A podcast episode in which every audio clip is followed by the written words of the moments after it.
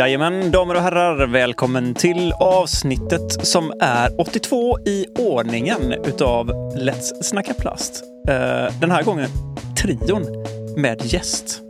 Sjukt mäktigt. Trio med Bumba, tänkte du skulle säga. Precis. fråga, era, fråga era farbror. Lite kontrast från förra veckan när ni satt och höll, försökte hålla låda. Vi sparkade ut dig. Vi eh, satte virus i din dator så du inte fick några såna här, vad heter det? drivrutiner till ditt stackars ljudkort. Det var så det, så det var, Viktor. Mm. Helt, helt enligt planen, eller vad säger du Anders? Mm-mm. The evil masterminds. Det var som den gamla goda tiden man skickade en fil till en kompis och så installera det här. Så var det NetBuzz. Kommer ni ihåg det? Det var tider. Kunde man skicka in och ut eh, CD-spelaren och grejer och ställa till med jävel. Det var ju görroligt i början. Sen så spårade det ju ur tydligen. Ja, jag kommer ihåg det. Sådana här om man gjorde, du kunde göra filer i text. Eh, Ja. eh, editorn och så skriver du .bat så blir det en så kallad eh, typ en execute-fil. Och då var det typ skriv öppna typ open calculator. Och så bara copy-paste det tusen gånger. Så döpte de filen till någonting kul, mjukglass eller jag vet inte, någonting som någon hade tyckt var kul. Så klickade de på den och så bara brakade datorn ihop. ja, det var härligt. Så, så jobbar vi. Mhm. Gött, då, Ja. vad händer idag? Ja, Jaha, det var vad händer som- inte? Det är discgolf på gång och vi har en, eh, en efterlängtad gäst med oss. Mm. Vem är det vi har med oss? Eh, Patrik Syk heter jag. Jag jobbar med, med podcasts eh, för Aftonbladet och eh, älskar att spela discgolf. Eh, jag kan verkligen säga det eh, med eftertryck att jag älskar att spela discgolf. Så är det. Fasen vad gött det känns att ha med sig ett riktigt proffs den här veckan. Ha? En legend. Vi som sitter här och liksom känner oss lite smått varma i kläderna, knappt ett och ett halvt år in. Liksom. Här, det är ingenting på tungviktskungen på andra sidan. Nej, jag har hållit på med podcast väldigt länge. 2013 började jag och så har jag jobbat med, eh, med poddar på heltid för Aftonbladet. Eh, före dess var jag tv-producent. Ja, dels på Aftonbladet och SVT och sådär och jobbat med tv under många eh, år innan det. Men eh, gick över och koncentrerade mig helt på podcast och har gjort det i nio år nu. Så många, jag tror, eh, räkna på det, jag tror att jag är den i Sverige som har publicerat flest podcastfeeder eh, i mitt namn. eh, jag räknade på någonstans. Jag tror, att vi, jag tror att det är uppe någonstans med, eh, alltså som jag då har varit då inblandad i, inte bara som någon slags eh, publiceringsperson. Jag tror att vi är uppe någonstans i 80-90 poddar som jag har eh, skapat och publicerat. Jösses. Så det, det, det har blivit ganska många. Mm, Det är lite Joe Rogan-varning på det, fast han kör en och bara matar. Precis, och han har hållit på ännu längre dessutom. Han var en av få poddar som fanns och som var eh, liksom bra, som hade en idé och en tanke och någon slags spets när, när jag drog igång. Det fanns så otroligt få. Jag minns att eh, Alex och Sigge startade ungefär samtidigt som vi drog igång och de anses ju vara en av liksom, de, de äldsta eh, första. Eh, så att det fanns väldigt lite, men Joe Rogan var en av dem som redan hade väl gjort typ 100 avsnitt eller någonting då. Jag har en också som var riktigt tidig och det var, det var en podcast om World of Warcraft som heter The Instance. Den har jag hållit på sedan 2005, 6 Mm. någonting. Men Mm. de la ner nu. De la ner nu? När, ja, när det var lite, det blev lite Kaiko och Blizzard och ja, Ja, det det. var, ja, det var inte så mycket positiv publicitet. Men eh, de kör vidare i ett annat format där de pratar mer om allmänt om eh, spel och sådär. Ja, det fanns, det fanns eh, entusiaster. Alltså Ricky Gervais hade ju faktiskt en podcast redan. Åh, så jädra Eh, bra. på Med, med Carl. Pilkington. Precis. Ja, det, Som, jag, som, som blev en tv-serie. De, Mm. de bara tog podden och animerade in de tre i, i en studio. Och sen blev det liksom någonting som kunde gå på tv. ja, det, men det, Men det det, var faktiskt det en podcast. är fantastiskt roligt. Ja, det här var väldigt bra. Men du, jag måste bara Långt före fråga, sin tid. fråga först nu. Eh, vi, vi har för vana att spåra ur lite, prata om lite allt möjligt kul. Vi har varit, eh, senaste så har det varit mycket Let's Snacka Bass, alltså fiskepodd. Mhm. Eh, sen har vi haft lite elbilspodd. Mm. Och där måste jag fråga, har du en bror Jag har Som- en bror. som heter Johan kanske? Nej, han heter Vad är- vad Niklas. Finns det flera psyk? Vi, vi är några stycken, det är väl ett ett 30-40-tal. Eh, Varav ungefär hälften är liksom på den sidan som jag, som jag känner. Men eh, Ja. det finns några fler. Ja, det var någon nisse i elbilsforat här nu som eh, vann omröstning om omslagsbild. Och då tänkte Jaha. jag, måste, då måste jag fråga om det är... Ja, vi, är, vi är släkt på något sätt, för att det är, det är, bara, en, det är bara en släkt så att säga. Ja. Men ehm, det är någon, någon brylling eller något sånt där. Jag fattar. Jag fattar. Mm. Så det var veckans elbilspodd. Snack. Mhm. Ska vi beta av alla de här sidospårspodd... Nej, för, för helskotta. Då, då, går nog, då stänger nog folk av nu skulle jag tro. Så mycket som vi har spårat ur det sista. Eh, Apropå urspårningar så måste jag säga det. Vi la ju upp för typ en och en halv vecka sedan. Jag vet inte om det var innan eller efter ni hann spela in. Eh, och, och bad om lite feedback på podden. Och bara ett stort tack till alla som har hört av sig och skrivit vad ni tyckt om och vad ni inte tyckt om. Precis. Det, det hjälper oss att göra en, en bättre podcast. Japp, och vi, vi tar till oss eh, det som kom in. Och vi tycker att det är jätteroligt att höra om det som ni tycker är bra. precis. Eh, Och vi och- valde ju också att ta in ett proffs då efter detta. För vi kände att vi behöver guidning. Nej, jag skämtar. Tycker ni klarar det jättefint. Jag har suttit där och berömt era mikrofoner och era eh, tekniker ni har hemma. Det, är- eh, det, det är otroligt proffsigt upplägg tycker jag. Ja, vad skönt. Det känns skönt att höra för en podd som är väldigt liten utav tre små polare liksom. Bara sådär. När vi hade med Terry Miller, det vet du om det är Patrik? Mm. Ja, gud ja. Jag lyssnade på det avsnittet också. Ja, det gjorde det. Ja, nej, då var det ju... Hela den inspelningen föranleddes ju av typ en timma tekniskt problem hos Terry. Och det tänker man ju, han ska ju vara liksom mediakillen. Han har poddar och videoproduktion och hela kalaset. Men det var vi som hade bra, bra teknisk eh, kompetens och han var lite ute och seglade där. Ja, men. Han, var, han var extremt ödmjuk genom detta. Och bad så hemskt mycket om ursäkt. Och han sa att jag borde... Är det någon som borde kunna detta så är det väl jag kan man tycka. Men eh, så är det. När det strular så strular det. Så är det. Ja, ja, men herregud, strula kan du ju göra för, för vem som helst. Ehm, jag har en gång eh, på tiden jag var, nu kommer jag dra iväg, men på tiden jag var tv-producent så gjorde jag ett, ett program som hette Sportmagasinet på Sportbladet. Ehm, och vi hade bland annat Adam Alsing inne som gäst och vi hade, det var nog både Adam Alsing och Daniel Breitholt som bildade ju sen en, en podd tillsammans och några fler. Vi hade gjort ett, som spelat in en en halvtimme med inslag och med intervjuer och kommentarer och det, jättemycket grejer.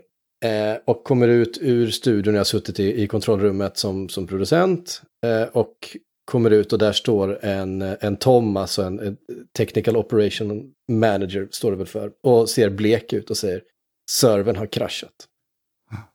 Eh, så att hela, hela, hela inspelningen, hela programmet var borta. Det skulle ut om fyra timmar. Eh, så att eh, jag vänder på klacken och går in eh, till Adam Alsing och de här som har tagit sig tid för att komma in och sitta med i studion.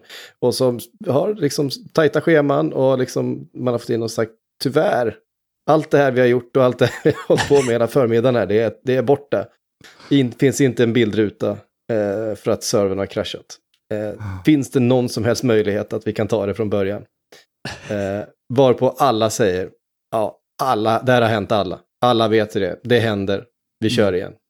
Eh, och det var så fint. Så att eh, det där måste man vara otroligt ödmjuk inför. Och det var de i, i den stunden. De hade lika gärna kunnat säga, eh, tyvärr, jag har inte tid, tack och hej. Eh, och då hade det inte blivit något avsnitt. Istället eh, var de helt införstådda med att så, så blir det ibland. Ja, vi har alltså suttit och slitit, eller främst var det ju Ted på den tiden. eh, sina grova hår när vi körde lite diverse inspelningsmetoder. Eh, och det har varit kajko på filerna man skulle ladda hem då på, på gäster och så vidare. Och den ångesten man får när man inser att det här kanske är helt bortblåst. Eh, och att man behöver ta om det. Den är inte rolig den ångesten. Att man vet ju att då ska man lyckas så, man tyckte det blev så jäkla bra. Och så ska man lyckas så reproducera det. Eh, Men som tur var så har det alltid löst sig på något vänster. Även Mm. om det kanske inte har låtit helt hundra. Som med Scott- Scott Stokely till exempel när han satt ute i, i, i öknen. eh, och spelade in på ett wifi utanför ett café liksom. Ja, det är nog det mest stökiga som har kommit ut i alla fall. När det liksom speedar upp i tid. Och, ja, det är jättekonstigt. är det. Men ändå, ändå som ser till ljud, ljudmässigt så låter det ändå helt okej förutom just de grejerna. Vi har ju haft ännu värre. Och, men vi hade ju några grejer där vi hade liksom så här när allting blev totalt kaos och vi fick liksom ta någon form av liksom komprimerad mp3-fil med massvis med missljud i. Och jag bara så här, alltså det här är det är det bästa vi får ut nu för allting annat är totalt borta liksom. Servern, du vet, så vi fick inte ner, för vi hade något sånt som laddade ner allting via liksom webbläsaren och, och, och sparade. Liksom. Men det, alla de ordentliga filerna var liksom borta.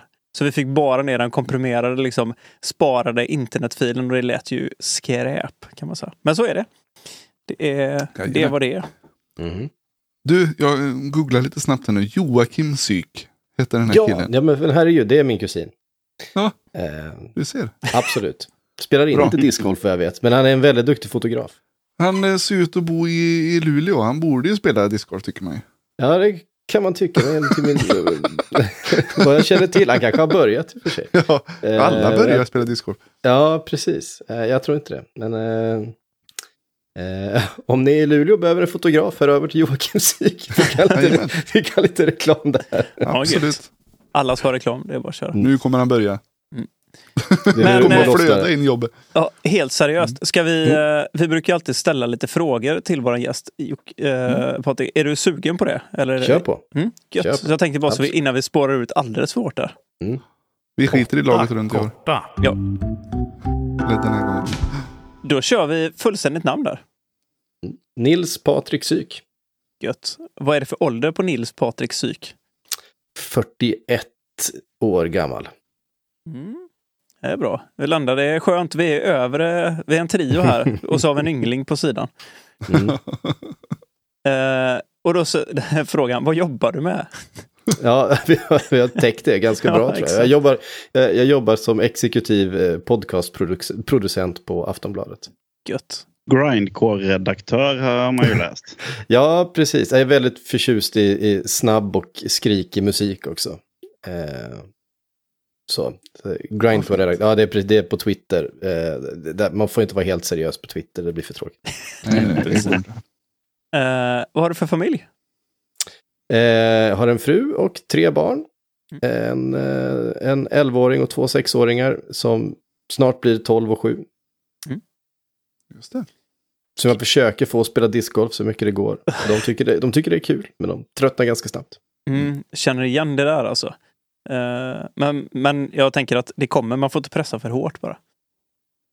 Nej, nej, jag tror också att det kommer. Det är ju kul och de tycker att det är kul. Men det, man måste komma ihåg att en eh, 20 minuter för en, eh, en 6-7-åring är eh, mycket mer än vad det är för en själv.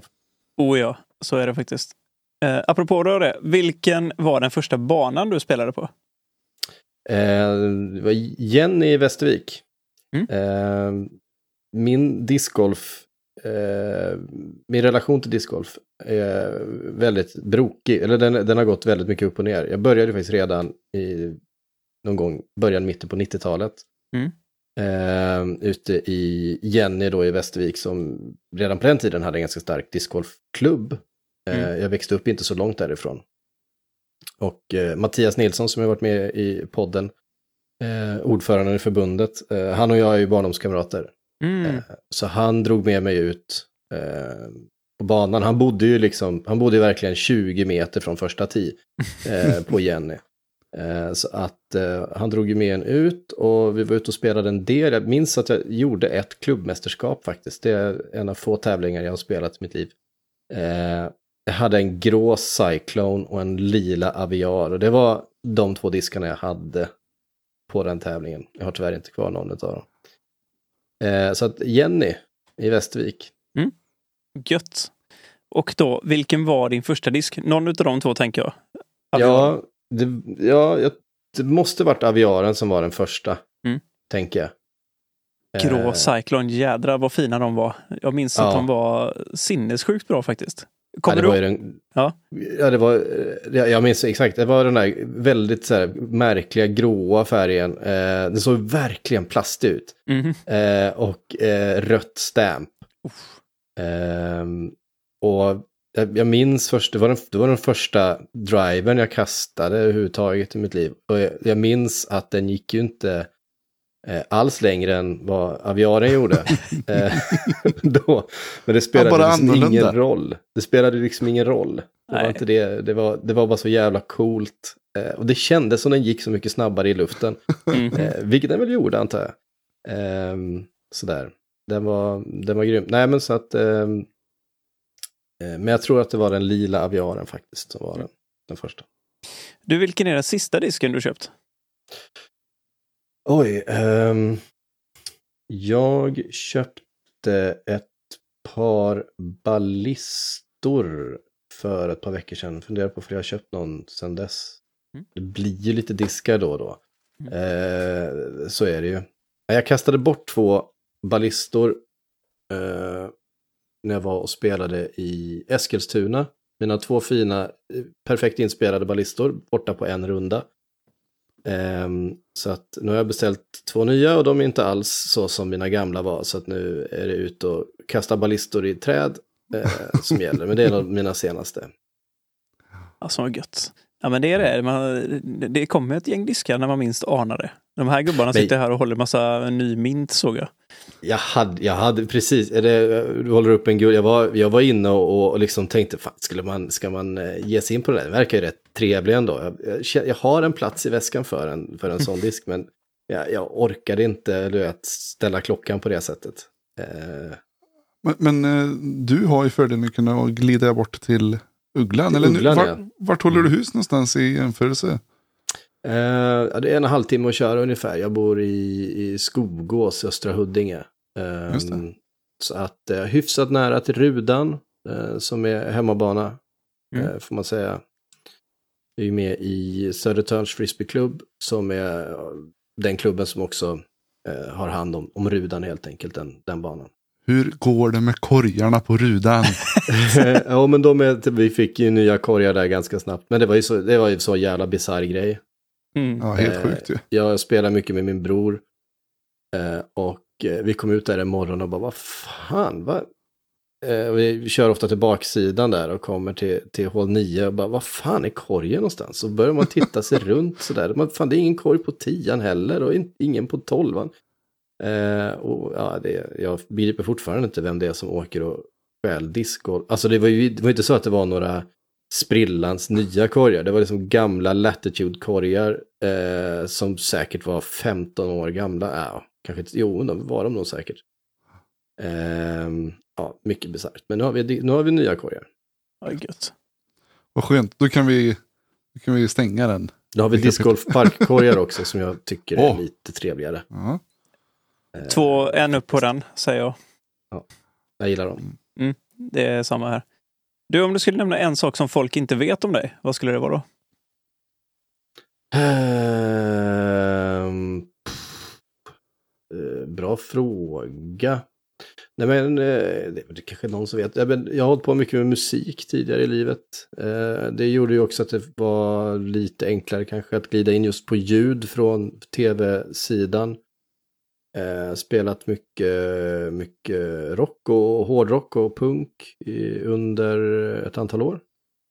Eh, spelat bas och sjungit, skrikit, eh, growlat eh, om vartannat sådär i lite olika konstellationer. Mycket snabbt då.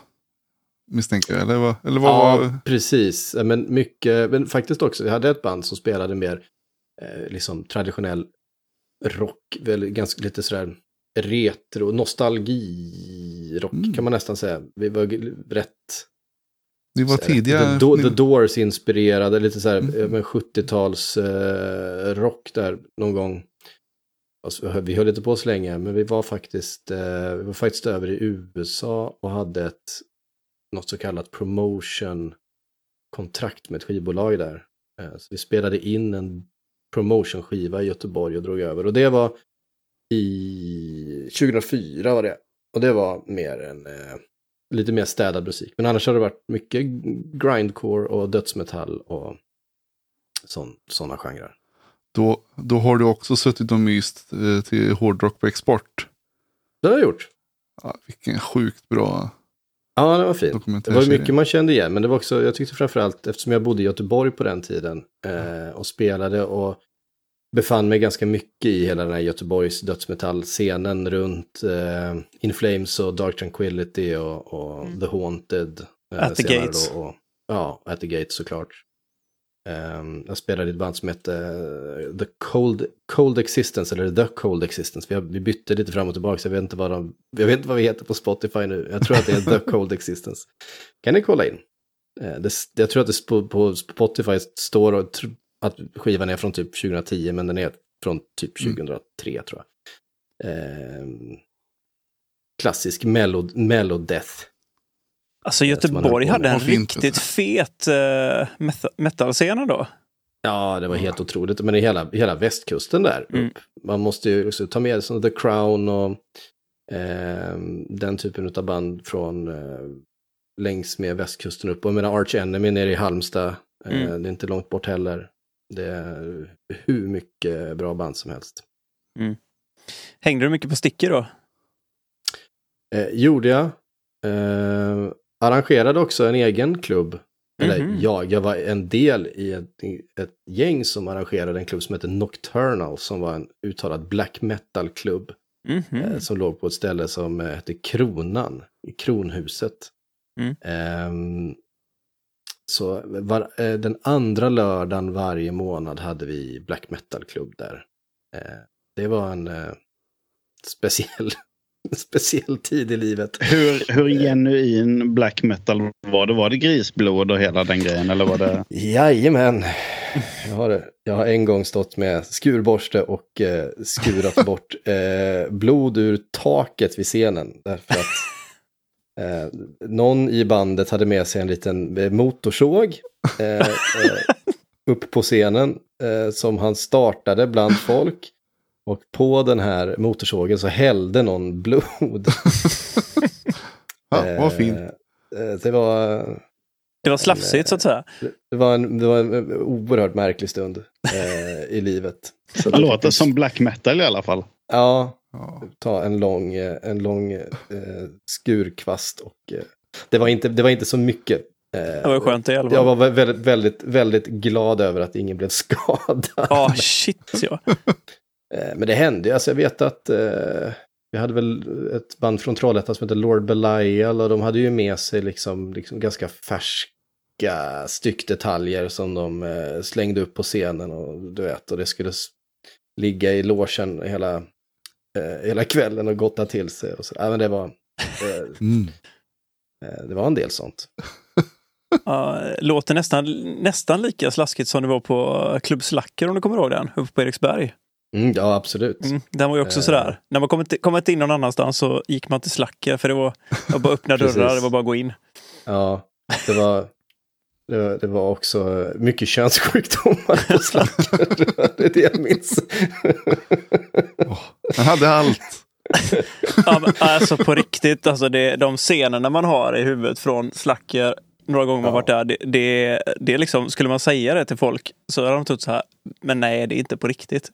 jo, då. Nej, det är jo då. jo då, Det, det, det är på riktigt. Det, det är högt och lågt kan man säga. Ja. Ehm, ja, in, Indiescenen på, i Göteborg eh, runt millennieskiftet bjöd på mycket, mycket spännande. Oh, ja. Ja. Ja, då, Du- Där låg vi i i Lidköping kan jag säga. Ja, det, det var mest eh, tröskelslagsmål och sånt bröt det där eller? Ja, men vi hade ju en riktig hög eh, period. Typ eh, 85 till 95. När vi hade Kina hette det. Där var det riktigt bra. Det, de körde ju alla möjliga konserter. och Skojigheter. Det är bara att söka på YouTube. Mm. Yes. Eh, vad tycker du om koriander Patrik? Det är en sån här klassisk fråga. Älskar koriander. Fan vad gött. Mm. Ja, härligt. Ja. Då så. Det, det är viktigt. Är det. Vad skönt, då har vi avhandlat det, det mer, eh, vad ska man säga, strikta i programmet. Mm. Vad bra. Kan vi släppa tyglarna nu? Ja, nu, nu är det bara att släppa tyglarna och köra. Uh, gött. Viktor har skrivit körschemat här. Har du kollat någonting på tävlingar och sånt här det senaste? Jag har kollat på det mesta som, eh, som sänds faktiskt. Nu Mm. under sommaren har man kunnat sitta uppe lite senare på nätterna också och, och kolla på Disc Golf Network som ju eh, har blivit så otroligt mycket bättre. Ehm, jag menar, första, första gången jag tittade på det, eh, det låter mig lite pompös, men när man tittar på det som gammal tv-producent, Mm. Eh, de första gångerna man sprang på det så, så satt man ju och slet sitt hår liksom.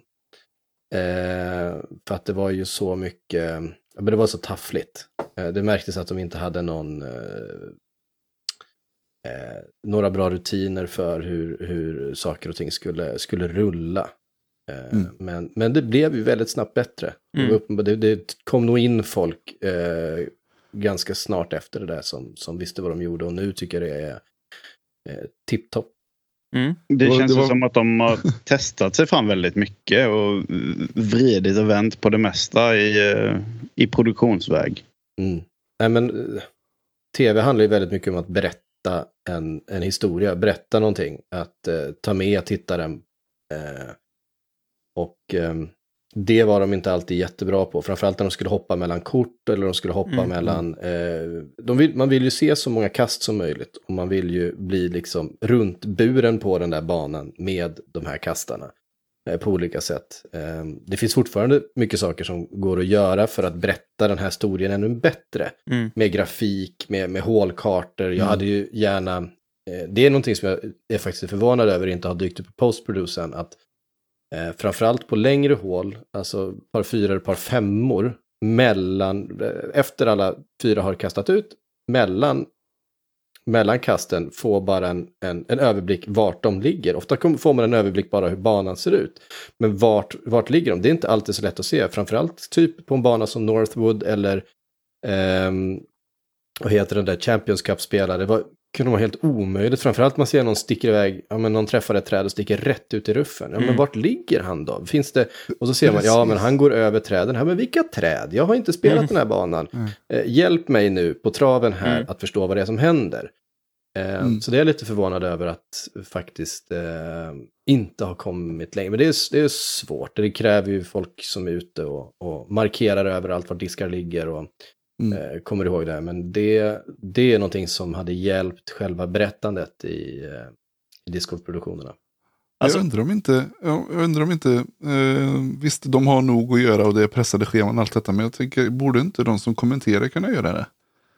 Eh, men för de har, sitter ju ofta på Mm. eh, bra info vart de är någonstans. Känns De har lite på beroende banan. gör på... de ibland. Men jag Ja. tror att en, en, ett visuellt stöd eh, hade underlättat Mm. Eh, faktiskt eh, för det. Nu när man har tittat på vissa banor många gånger, alltså man då kommer tillbaka varje år och man börjar lära känna, visst, då är inte det ett så stort problem. Men Nej. jag tänker för en nytillkommen tittare eller för någon Mm. som bara tittar kanske det- på stora tävlingar eller säger att, säger att vi har eh, Linus på en eh, eh, lead card liksom i VM. Eh, och så bestämmer vi oss för att köpa in den här sista, sista rundan till Aftonbladet. Då vill vi presentera det här för en helt ny publik. Och då gäller det att, vi, att man kan berätta det, den här historien på ett Mm. väldigt, väldigt bra sätt. Mm. Ehm, Lite samma illustrativa grej som är golf där när man kan se hur de positioneras i förhållande till varandra och i förhållande till hålet. Ja. där. Men Golf har, har ju löst det här för länge sedan. Ehm, och det är klart, de jobbar med helt andra resurser. Så att, ja eh, gud ja. eh, men ja, Men det är spännande, det är lite som du säger just det här att varför har inte Post gjort det? För att jag menar, de Mm. har ändå så pass mycket mer tid på sig Mm. att lösa det kontra, för det, det här är ju den ständiga debatten som man hör hela tiden. Ja men varför är inte live som Post? Eh, ja, för att det är omöjligt. ja, det är ju inte samma grej överhuvudtaget. De har ju inte tiden. Jag menar, det ska ut, det kablas ut i realtid. Kontra att du får minneskorten, springer in och sätter dig och redigerar under tiden. Du kan ju sitta och göra hur mycket grafik som helst. Det kan du göra till och med i förväg. Jag menar, Mm. de som Jomes måste ju sitta när de anländer till tävlingen och veta liksom hålkartor, sitter med grafiken och Mm. jobbar med allt det, för det är ju inte de direkt. Och då skulle det lika väl, precis som du säger, här är ett ganska bra sweet spot, ungefär här kommer de ligga. Det kan ju inte vara Mm. jättesvårt för dem att fixa egentligen. Jag, jag tänker ofta på killen som, eller, eller tjejen som sitter och ska skriva eh, den här lilla rutan exakt vilken disk alla eh, kastar hela tiden. Mm. Är fin. Ett, ett vet jag inte riktigt varför. Ja, det är den här eh, Glimmer Opto eh, Mm. blaha blaha liksom. Det kan vara intressant att se om han kastar en, en mid här. Mm. Eller en, jaha, han plockar fram en bass. Absolut, det kan jag vara intresserad Men exakt vilken, vilken plats, alltså ja. Det är väl de som är intresserade av det också, kan jag tänka. Mm. Säkert. Men, eh, Jag vill bara återkomma lite till det här just med live versus eh, post nu. mm. Jag tycker ju att det nästan skiftar här. Att det är mer intressant med live. För att då får man hela, Mm. hela Absolut. historien som du säger. Mm. Att man, man kan se Corey Ellis, han kör som helsefyra på andra kortet. Mm. Att, det går, ja, att man får se mer än bara det kortet som följs. Och det märks ju på tittarsiffrorna. Post eh, har ju gått ner. Uh, Jomens Mm. siffror är ju sämre i år än vad de var förra året. Eh, Mm. Trots ett ökat intresse generellt för sporten. Mm. Eh, så att eh, vi får ju se här. Ehm, jag lyssnade faktiskt förut idag på heter de, Altiworlds, Mm, eh, deras podcast, som jag tycker är ganska bra. Mm. Eh, eh, de två som sitter där nu, kommer jag inte ihåg vad de heter. Eh, men tycker jag Charlie Eisenhood och... Någon, Precis. Ja, jag kommer inte ihåg vad den andra heter, men... Ehm, Upshot precis. är podden va? Eh, Upshot, ja, exakt. Eh, Där de pratar om det här. Och att Jomes till exempel, som ju är fantastiskt duktiga på det de gör. Det, det är de ju verkligen, de kan den här sporten. De, de kan också, eh, de, de förstår också eh, att man måste, man måste berätta någonting hela tiden. Mm. Eh, man, kan inte bara, man kan inte bara stapla kast på varandra. Utan eh, det behövs en, en, en dramaturgi. Ehm, och de pratar om att Jomes har ju de här två åren nu som de har skrivit eh, med eh, Disc Golf Pro Tour att de ska få göra post. Men vi ser ju också att DGN gärna själva gör lite post Mm. och lägger bakom en betalvägg som de gjorde på European Open till exempel. Mm. Eh, och då är det väl Central Coast va? Som de använder sig av. Ett annat produktionsbolag. Eh, så vi får väl se vad som händer med Post-Produced. Jag tror kanske att vi om ett par år inte kommer ha alla tävlingar gratis på YouTube Next Day eh, Post-Produced faktiskt. Eh, och det kommer ju suga lite grann för det är väldigt eh, tacksamt att ha. Men eh, Mm. framförallt för oss som är i fel tidszon. Mm. Eh, men jag tror att det är ditåt vi rör oss. Känns lite så. Jag tror att skiftet kommer kanske bli också att om man säger produktionen, äh, lite så som man har hört folk resonera kring det och vad jag personligen tror också att jag tror att live kommer inte vara lika mycket följa korten som man gör nu. Utan att man kommer mer köra live, att man hoppar mellan olika grejer, Mm. visar mer highlights. Och sen så får du, typ, så precis som du säger, att du får en, en, en ihopklippt version utav alltså ledarkort och så vidare. Och olika. Ja. Och, så, och det kanske läggs bakom en betalvägg, men att kanske liven blir mer för att få in folk i, alltså visa sporten på ett helt annat sätt, alltså i en större produktion. Mm. Nej, det- Jag är helt enig. Och jag tror att särskilt en sån som Jomes. Antingen kommer de, som du säger, få hitta på nya saker för att Mm. fånga lyssnarna och kunna, eller tittarna och lägga det bakom en betalvägg för dem också. För att rent ekonomiskt kommer det inte finnas eh, backning för att göra sådana extrema produktioner som de har idag. Utan däremot tror jag en sån som Terry Miller, sådana grejer kommer det alltid finnas eh, utrymme för. mindre Mm. produktioner som inte kostar så Mindre mycket. produktion, precis. Han Ja. och en snubbe till. Och så lägger han kommentarerna, han kanske tar in en till. Mm. De Och- är ju lysande. Och då, han är ju ofta runt på sånt som inte täcks av de stora drakarna heller. Exakt. Eh, Eh, och jag tänker också att det här med att det ska ut så fort som möjligt som Jomes för att det ska så få en känsla av att det nästan är live. Det Mm. kommer dagen efter, det kommer före andra rundan är spelad så har man tittat på eh, runda ett liksom. Eh, Så tror jag inte Postproduce kommer vara heller, utan man kommer se på Postproduce som någonting annat, alltså som Mm. ett, ett nice to have. Det kanske kommer en vecka eller två, eller kanske en månad senare så kommer det ut Mm. ett, ett Postproduce liksom, timme från de här Ehm, för jag går ju ofta tillbaka och tittar på, på tävlingar som jag har sett live och så ehm, och tittar igen. Jag har sett, eh, eh, vilken var det senast nu? Eh, Idlewild var jag gjorde det. Eh, för det var en eh, jävligt häftig sista runda. Gick jag tillbaka så, så vill jag gärna se, för jag vill ju också gärna höra Mm. Nate Sexton, Jeremy Colling kommentera de här kasten och det som hände. Ehm, för att jag tycker att de är mycket skickligare kommentatorer än vad Disc Golf Networks Tack. eh, Diton är. Ehm, även, om, även om de, jag tycker Nate Doss har ryckt upp sig. Mm. Eh, Hundra tyck- procent. Tycker han var jättebra under European Open. Mm. Ehm, det, var, det var hans bästa insats eh, där, men, men eh, eh, de måste göra något åt Ian alltså. Ja, helt enig. Ian ihop med Philo, det blir för mycket polare. Ja, Alltså de två i en post-prod funkar så sjukt mycket bättre för då blir Mm. det mer utrymme för att skoja och liksom det här polarsnacket. Men vad jag skulle vilja nu när produktionen blir så pass mycket bättre som den är.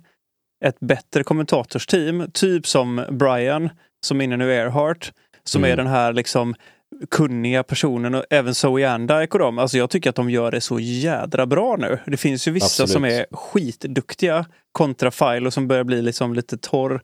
Och Ian som jag tycker är eh, nästan klappkast nu det sista. Så han har varit, ja, jag blir bara irriterad. Typ. Ja, han är... eh, Ja. Och han, han har ju fått det här i sitt knä lite grann. Mm. Han är ju inte heller ett proffs. Som, han, han, han är ju också en, en, en amatör som har blivit eh, Jajamän. liksom arbetande med det här genom att han, har, att han har funnits där. Och han har gjort Mm. med, Mm. det är väl Central Coast han kommer ifrån. Ja, Jajamän. visst.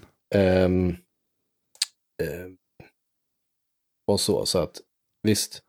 Vi får se, men det, det är där de har, där har de lätta poäng att vinna. Jag, jag tror att det är nästa steg i deras utvecklingskedja. Det är att sätta ett bättre kommentatorsteam och hitta folk Mm. som funkar och, och gör det på ett, på ett helt annat sätt. För att jag tror inte du behöver ha... De, den, de har hängt med liksom. Alltså i takt med att de måste liksom uppdatera kameror, få liksom satt plattformen för hur ska liven funka nu. Eh, precis som du säger Patrik, att det var ju ett tag där det var ganska dåligt. Nu har det blivit mycket, mycket bättre. De hittar liksom konceptet, hur funkar det? Eh, nästa Mm. steg är att fixa ett bättre kommentatorsteam och kanske ta någon som inte ens är liksom så eh, polare med alla discgolfare. Ja, det är ju nästa också steg för, för hela discgolfmedian överhuvudtaget. Eh, jag eh, jobbade, jag, jag bevakade ganska mycket kampsport en gång i tiden, när, precis när MMA slog igenom. Eh, lite mer, det var mest av en slump, jag var rätt ny på Sportbladet, jobbade då med, med tv där och, och det här med MMA, vi märkte att jävla vad det klickades liksom. Ja men det var liksom Jörgen Krut i Globen och lite sådana saker Mm. och det vart ett, ett jävla drag och sen precis då så eh, gjorde Alexander Gustafsson och liksom sina första väsen eh, av sig borta i, i USA då, i UFC. Eh, och sen så kom UFC till Sverige och då blev det en sån jättehype. Och då märkte vi att den, den kampsportsmedian som fanns, alltså den, de som hade bevakat det här som någon slags branschmedia, de var ju polare med alla. Mm. Eh, och ehm, var ju väldigt, de älskade det, så de brann och de var liksom, eh, jag ser jättemånga paralleller till ja, men det som fanns då som hette typ MMA-nytt och Kimura och så vidare. Mm. Och vi tog ju hjälp av dem också, för vi kunde ju ingenting på, på Aftonbladet. Vi, vi var ju tvungna att få hjälp av någon för att begripa den här världen. Mm. Ehm, men vi märkte hur svårt det var, dels eh, Eh, för de här bolagen för att de var väldigt nära liksom, de olika eh, lagen och de olika utövarna och eh, alla promoters och allt. De var liksom insyltade på ett sätt som jag gjorde att det var helt omöjligt för dem att göra journalistik. Men på samma sätt så var sporten också så van vid att de journalisterna som bevakade dem var deras polare. Så att när vi kom in utifrån som så att säga riktiga journalister och började bevaka det här och, och ställa riktiga frågor så vart de så otroligt, de vart liksom förnärmade över att vi inte liksom per automatik var på deras sida hela tiden. Eh, och det där är också liksom ett, någonting som jag tror att discgolfen kommer behöva. Eh, liksom, det, det kommer liksom bli en, en vi, vi märkte under silly season, nu jobbar jag mycket med, med, fotboll, men det har liksom blivit när folk byter byter plast eh, i, mellan säsongerna. Mhm. Det blir mycket spekulationer och det ena och det andra. Vi vet ju att det sitter en massa folk och, och det spelar ju verkligen ingen roll egentligen. Det handlar ju mest om eh, vad folk ska tjäna pengar liksom under nästa säsong. Men det... Eh, själva bevakningen utav, utav discgolfen skulle behöva bli eh, lite mindre... Eh, li, lite mindre kompis och Mm. kanske lite mer eh, ja, professionell, får man säga. Mm. Eh, för att, eh, jag menar, hela den här foundation-grejen nu till exempel, som sitter och gör svinmycket poddar Mm. där med Brody Smith och Paul Macbeth har varit inblandade, alltså där, där spelarna själva äger någon Mm. slags Mm. media. Eh, det, blir, det blir jävligt märkligt liksom. Mm. Och samma sak när, när tillverkarna ska också agera media. Mm. Eh, som eh, Dynamic Discs med sin, med sin podcast. Så ska de sitta och, sitta och kommentera liksom andra kast. Alltså det, blir, det, blir, det blir väldigt konstigt. Och sen blir det, de, det blir den median som finns tillgänglig. Mm.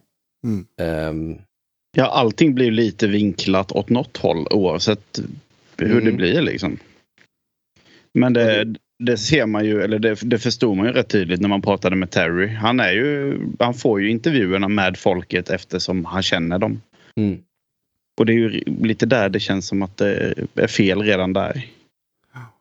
Ja, och, men det kan väl vara, det kan väl vara, det kan väl vara fine. Eh, men det kanske måste finnas någonting annat också för att... Alltså jag pratar mycket om det här med att, med att berätta historier. Vi måste också berätta den stora historien om den professionella discgolfen och vad som har hänt där. Och det kanske måste göras liksom objektivt och utifrån. Ehm, för att det, nu, folk är väldigt rädda att trampa varandra på tårna. Det är väldigt, vi vet att det finns en massa, det finns en massa vi vet att Page Pierce till exempel har en jävla massa åsikter. Eh, och, och att det finns schismer och det finns saker som inte är bra eller det finns någonting som... Eh, som inte riktigt, och ingen vågar riktigt ta i det. Och jag säger inte att man ska göra den typen av journalistik, att, att det är liksom konflikter som, som det handlar om. Men vi ska berätta historien om den här, eh, om den här proffsnivån. Mm. Kanske lite utifrån och inte bara inifrån hela tiden. Den är också viktig liksom, men det, ska, Mm. det, det behövs ett, ett, ett utifrån perspektiv kanske på eh, historien om discgolf. Alltså de skulle behöva typ anställa någon som är en professionell kommentator ifrån någonting annat, någon annan form av sport liksom. Och sen ha de här color commentator eller liksom som Brian och de är, som känner spelarna, vet liksom Mm. lite vad de gör, vad de tänker. Så att du får båda delarna. Du har, för det har du ju Absolut. i andra sporter också. Liksom. Alltså den här proffset som verkligen sitter liksom och lägger eh, för det, med, det ser man ju på alla produktioner som både ja, men typ som Aftonbladet, SVT, allihop som gör en seriös eh, produktion. Du har ju proffset och så har du den som är proffs på att prata om det. Goldie och Rogan, vet du. Det var tider det. UFCn. ja, Mm. för fan, de var bra. Eh, de var, jag minns när de var här i Stockholm för första UFC-galan. Då var jag där också. Det var det? Jajamän. Samma här. Slå, slå han på käften. Det var, det var lite fräckt. Fräckt moment. Ja, men det var det. Det, det, det hade verkligen något den, eh, den galan. Jag var- minns, var, det, var det första eller andra som Conor McGregor gjorde sin UFC-debut på? Ja, precis. Ehm, för då var jag där och stod i, i, i mixad zon precis när han eh, kom ut. Eh, och det var också, märkte man ju på honom att han var inte van, han hade varit liksom på, på mindre galor tidigare och sen så var det nu en riktig mixad zon och han, du vet, stod flera journalister där, han skulle liksom hålla låda. Han var ju ganska, han var ju väldigt liksom, han var ju väldigt grön då liksom. Han Han, hade inte riktigt sin, han, han- hade inte den här, den här swagen på samma sätt. Så han var ju väldigt, väldigt tacksam över att få vara där liksom. Men han hade några inövade liksom one-liners som var med otroligt mycket glimt i ögat. Men det är också det är en speciell grej att ha mött en sån karaktär som nu idag är en sån här jätte, jätte stjärna med, med, med väldigt mycket eh, attribut eh, som han liksom har lagt sig till med. Ett maner, en persona som inte riktigt fanns liksom direkt efter debuten. Han var bara så jävla glad över att ha vunnit och att eh, vinna på knock liksom. Och han, eh, den där, den där otroliga kaxigheten, den, den Den, liksom den liksom kom fort. Den kom väldigt fort och man såg den ju redan då. Man såg ju, man såg ju att det fanns där. Eh, men också det att, bara att han hade några sådana one-liners, jag tror han sa. Men han pratar mycket om Irland då, att we're, we're not here to compete, we're here to take over. Eh, han hade några sådana one-liners liksom färdiga för sig och det, det, det, har man ju om man har bra självförtroende. Liksom. Fint. För det har han. Ja, det har han. Mm. Jajamän. Vart var vi? Eh, Jo, det var ju kommentatorer. Ja, Mm, precis. mm. Eh, apropå, om vi går in då lite på Ledgestone så hade vi den som spelades här nu i helgen. eh, Mm. Faktiskt. Och eh, en grej som jag vet att det snackades lite om, det är just det om produktionen och paywall som ändå Disc Golf Network är när det ligger på, bakom en betalvägg. Och att Mm. du de, dessutom bara kunde se halva rundan från Northwood Black. Ja, det är ju... Alltså det är sådana saker som, som fortfarande, fast man kan tycka att ja, men det ser jävligt proffsigt ut. Och då blir man, man blir på något sätt påmind om att det inte är en fullt ut professionell verksamhet eh, Mm. det handlar om. Det, det är inte liksom, det är ju inte acceptabelt såklart att vi, vi visar inte andra halvan av FPOs liksom, eh, sista runda för att vi har ingen mobiltäckning i skogen. Det är ju alltså... Lös det liksom. Bara Mm. lös det. Få dit någon jävla satellitlänk, någon jävla sändningsbuss eller något. Mm. Eh, visst, det kommer kosta lite. Ni får hyra en från något lokalt tv-bolag. Någonting sånt. Lös det, köra ut, Mm. ställa bakom en jävla rotvälta någonstans och rikta en satellit. Alltså, hitta på något. Mm. Ehm, Känns ju som det är dit på, det är på väg. Och grejen är som man undrar också så här, för Nate Heinold är ju den som är extremt dragande i Ledgestone. Och vad jag har förstått det Mm. som också så är det ju, eh, alltså elitdelen utav Ledgestone är ju ganska liten kontra hela amatörtävlingen som det är. Den är ju extremt stor och det är också ja. mycket tack vare den som damerna har fått spela Sunset till exempel istället för att de får spela Mm. Det är eh, också... Det, det, det där känns också som en, en rest ju. Mm. Eh, vid något tillfälle så måste vi verkligen dela på proffsspelet Ja, och amatörspelet på allvar. Eh, alltså det, det måste ju också komma en punkt, jag förstår att, att spelarnas, alltså proffsspelarnas eh, liksom prispengar kommer ifrån att, att det kommer liksom hundratals amatörer eh, dit och betala för att spela tävlingen. Liksom. Mm. Eh, men prispengarna blir mindre och mindre viktiga, i alla fall för de allra bästa. Mm. Eh, dessutom så kommer det mer och mer pengar in från annat håll. Eh, till, alltså, disktillverkarna kunde definitivt trycka in lite mer pengar, eh, tror jag, i eh, de här tävlingarna. Eh, och i touren överhuvudtaget. Mm. Um, Disc Golf Network tjänar också rätt bra pengar nu. Eh, jag tror att alltså det är på många sätt som, som måste vi, alltså det är också det här med, med proffsregler och amatörregler, det är också någonting som jag tror eh, ja, ja, ja. Det, Det- behöver det komma liksom- ett skifte kanske. Ja, men de är så otroligt bra på att putta till exempel. Det har ju varit mycket snack om att flytta ut liksom eh, cirkeln till att bli typ 15 meter istället. Därför att de här stepputtarna som folk gör från 11 meter, Mm. de sitter ju hela tiden för, för, för proffsspelarna. Det, det är liksom... Eh, Dickerson kan gå liksom en hel, han kan gå en hel säsong utan att missa en enda 11 meters putt. Då blir det liksom så här, okej, men det är för lätt just nu. Mm. Eh, eller man, man ser, det är ju inte alls ovanligt med spelare som går igenom en hel tävling nu utan att missa en enda Circle One-putt. Mhm. Ehm, och det är ju... eh, Det är ju fantastiskt bra, men då kanske Circle One skulle vara lite större. För att vad, vad är det liksom värt då? Men då kanske vi pratar om, men om Circle One är som 15 meter istället. Eh, Då kanske vi får en, en statistik som säger någonting. Mm. Ehm, ja, jag vet inte. Ja, men du är inne på rätt spår tycker jag. Framförallt är alltså amatördelen kontra Mm. eh, elit, alltså Pro Tour-delen. För att det var lite det som grusade förra årets särspel också. Eller så.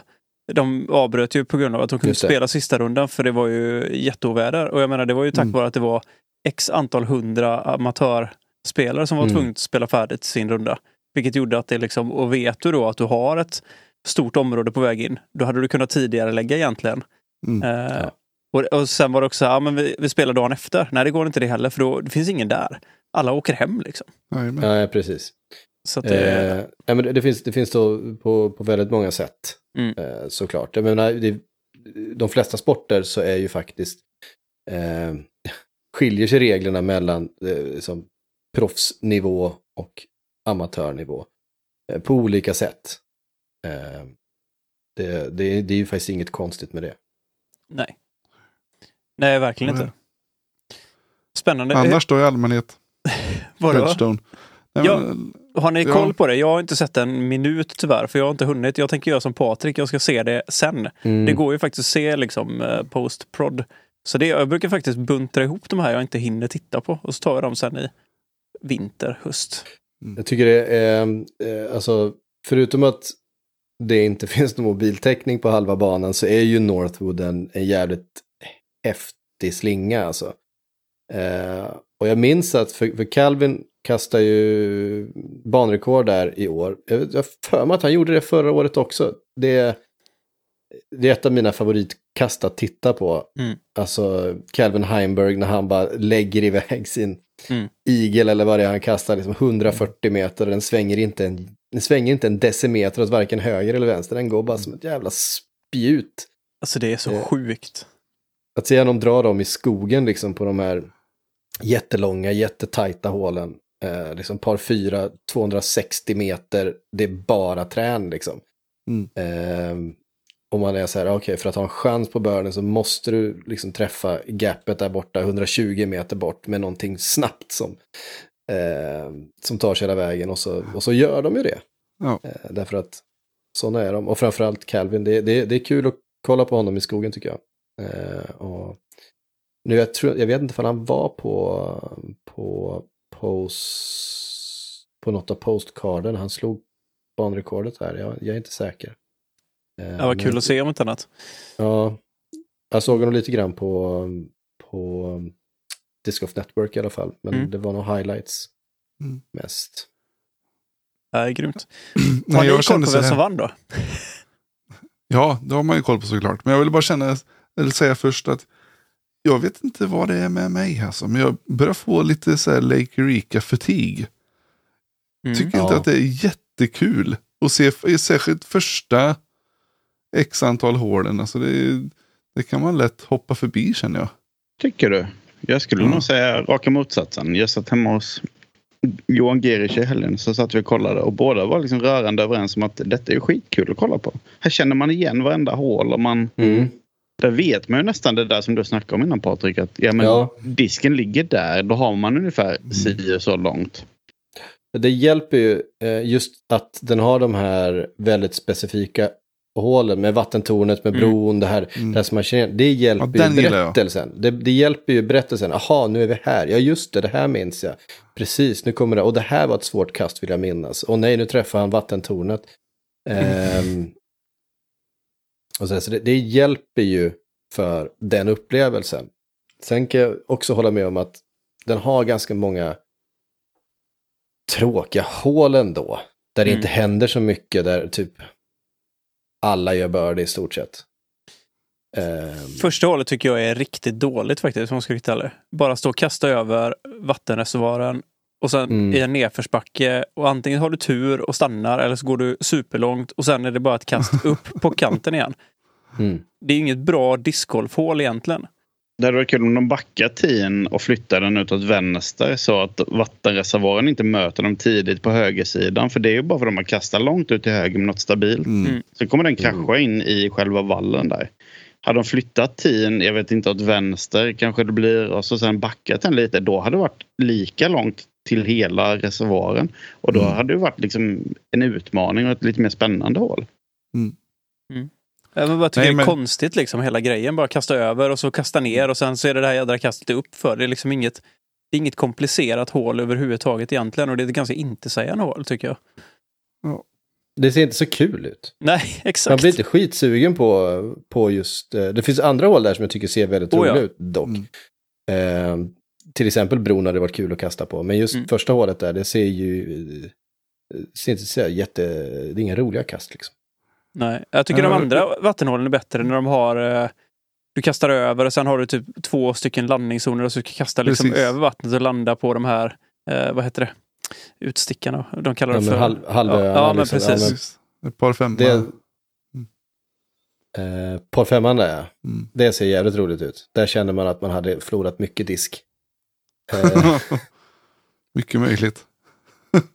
Nej, men det var just känslan, men det är roligare ju längre det går på banan tycker jag. Ehm, mm. Ja, men jag håller med ändå. Riktigt coolt. Eh, bron, apropå bron. Med dropzonen där. Och så häver Ja. ju Burr i den. Från bron. Ja, visst. Han är bra alltså. Ja, han är sjukt bra. Ja, han är ju, han är ju bra på riktigt den jäveln. Eh, Mm, Han ja, blir det är- livsfarlig. Ja, men alltså det är ju det är nästan eh, det är nästan häftigt, alltså att rädda ett par på det sättet. Det har, Mm. det har något, det har liksom en, en eh, eh, det är som ett ace är ett ace, men, men just det där med att fan han har kastat OB och han är i, han är i racet och han räddar Mm. paret genom att göra så. Det är nästan, det är, Mm. det är inte värt mer än ett ace, men det är, det är, nästan, eh, det är nästan häftigare. Mm. Mm. Den är riktigt god. Men tyvärr så hade ju Ricky redan ångat på där. Eh, Ja, Det var ju någonstans, var det hål 7, 8, 9 någonstans som han bara han lämnade de andra bakom sig. eh, Kan man säga. Och sen höll han det hela vägen ut. Så det var ju aldrig som ni sa i försnacket va? Som vi pratade lite om det, om Ledgestone. Att mm. Det blev aldrig riktigt spänning på slutet. nej. Utan det var hela Paul som dundrade upp och tog en andra plats. Ja, han har sådana slutrunder den här säsongen att man tycker att han är helt off och sen så kastar han vad han gjorde på Champions Cup, minus 16. Ja, det är så jädra sjuk. sjukt. Han, han tog, tog banrekordet på en av världens kändaste banor med fyra kast. Ja. Man kan göra sådana vresrunder du vet. Bara vresar Ja, ja. till. Och, Ja, men samma sak som European Open när han och, och Eagle bara bestämmer sig för att, nej men eh, vi, vi kör nu, Ja. vi kör vårat Ja. race och så bara krossar vi hela fältet bara totalt. Vi lämnar dem liksom i bakvattnet någonstans. Nej, de är, de är sjuka. De har ju en ganska hög nivå kan man säga. Ja, och, och Ricky när han, när han gör sådär, då är han ju, Ja, ja, ja. det är ju, det är ju bara Paul egentligen som kan matcha Ricky när han, Mm. när han lägger i sin högsta växel. Mm. Kanske Eagle då när han, eh, när han är, är i form, men, eh, men Ricky, Ricky blir farligt i VM alltså. ja. det, Det det, börjar, det börjar brännas nu. Mm. Apropå Gunn Bird där, Patrik. Och eh, vi pratade lite, du, du var inne och touchade på lite med det här med annorlunda regler för amatör och pro som de har i olika eh, andra idrotter. Eh, Gannon är ju ganska känd för att vara riktigt långsam. Eh, det har ju varit en Ja. snackis nu det sista. Ja, men jag tycker att men grejen är så här, jag undrar lite hur, hur man tänker där. För det är ju, det är ju några stycken och de tycker ju liksom att de skiter ju fullständigt i 30 sekundersregeln mer eller mindre. De flesta av dem. Mm. Jag undrar så här, hade det gjort någonting om man hade pitchat upp den på eh, Pro-touren till en minut till exempel? Jag har varit inne på det lite innan. Hade det gjort, hade det gjort någon skillnad? För jag menar, vi har ju fortfarande de, de spelarna som är riktigt snabba. Kommer ju alltid vara snabba oavsett om de har en minut på sig eller inte. Visst. Eh. Ja, det är om man tycker att det på något sätt skulle störa liksom eh, mediaproduktionen runt det. Att det, det Mm. blir eh, tråkigt att titta på helt enkelt. Och att man av den anledningen, eller att det skulle störa resten av kortet. Mm. Mm. Att han varje gång han ska putta ska stå där i en minut och eh, klämma på sin talkpåse. Eh, fram Gå och framåt tillbaks. lite. Ja, precis. Ehm, I sådana fall. Mm. Jag vet inte, jag, kan inte, jag har spelat så lite tävlingar själv, jag kan inte avgöra om det är något som skulle påverkat mig. Jag brottas med mitt eget psyke i de, eh, Ja, så är det ju. i de stunderna ändå, så att jag vet inte om jag lägger så mycket märke till vad de andra gör. För vet, Men jag- Brody var jag- inne lite på det här med pace of play. Just att det är liksom i vissa fall om det, Precis. är, om det känns så att det liksom bromsar upp järnet annars. Men jag tänker i och med att de ändå inte engagerar sig supermycket i det just nu. Att det, det spelar liksom ingen roll. Nu kör de ju en och en halv, två minuter ibland. Liksom bara står och håller på och mjölkar totalt. Eh, jag undrar vad hade skillnaden var. Grejen är så att nu är, i och med att det är en grej, alla vet om 30 sekundersregeln. Alla blir helt tokiga och då blir det liksom värsta negativa effekten utav det. Kontra hade du tagit bort det på något sätt och satt en minut. Undrar om de hade kanske, för jag menar, Gannon lär ju känna att de står och hetsar honom. Frågan är om han Just. kanske hade varit snabbare om han inte hade haft den mentala pressen och liksom så här, fasen nu måste du liksom Och- rappa på. Och visst var det så att han, eh, de hade klockat honom nu senast och han Mm. hade fått en till sig och han hade rappat på. Mm. Eh, Han hade ändrat sin, sin rutin och hade inte en enda putt som, som gick över 30 sekunder nu under ledgestone. Exakt. Jag klockar faktiskt honom några gånger. Eh, och det, jag tycker att han har rappat upp sig lite alltså. Ja. Men är inte det rimligare då att man sätter in fler officials som kan kala Mm. eh, än att man ändrar på tiden? För jag tror att skulle man öka tiden, alltså de som tar lång tid på sig, de kanske tar ännu längre tid då.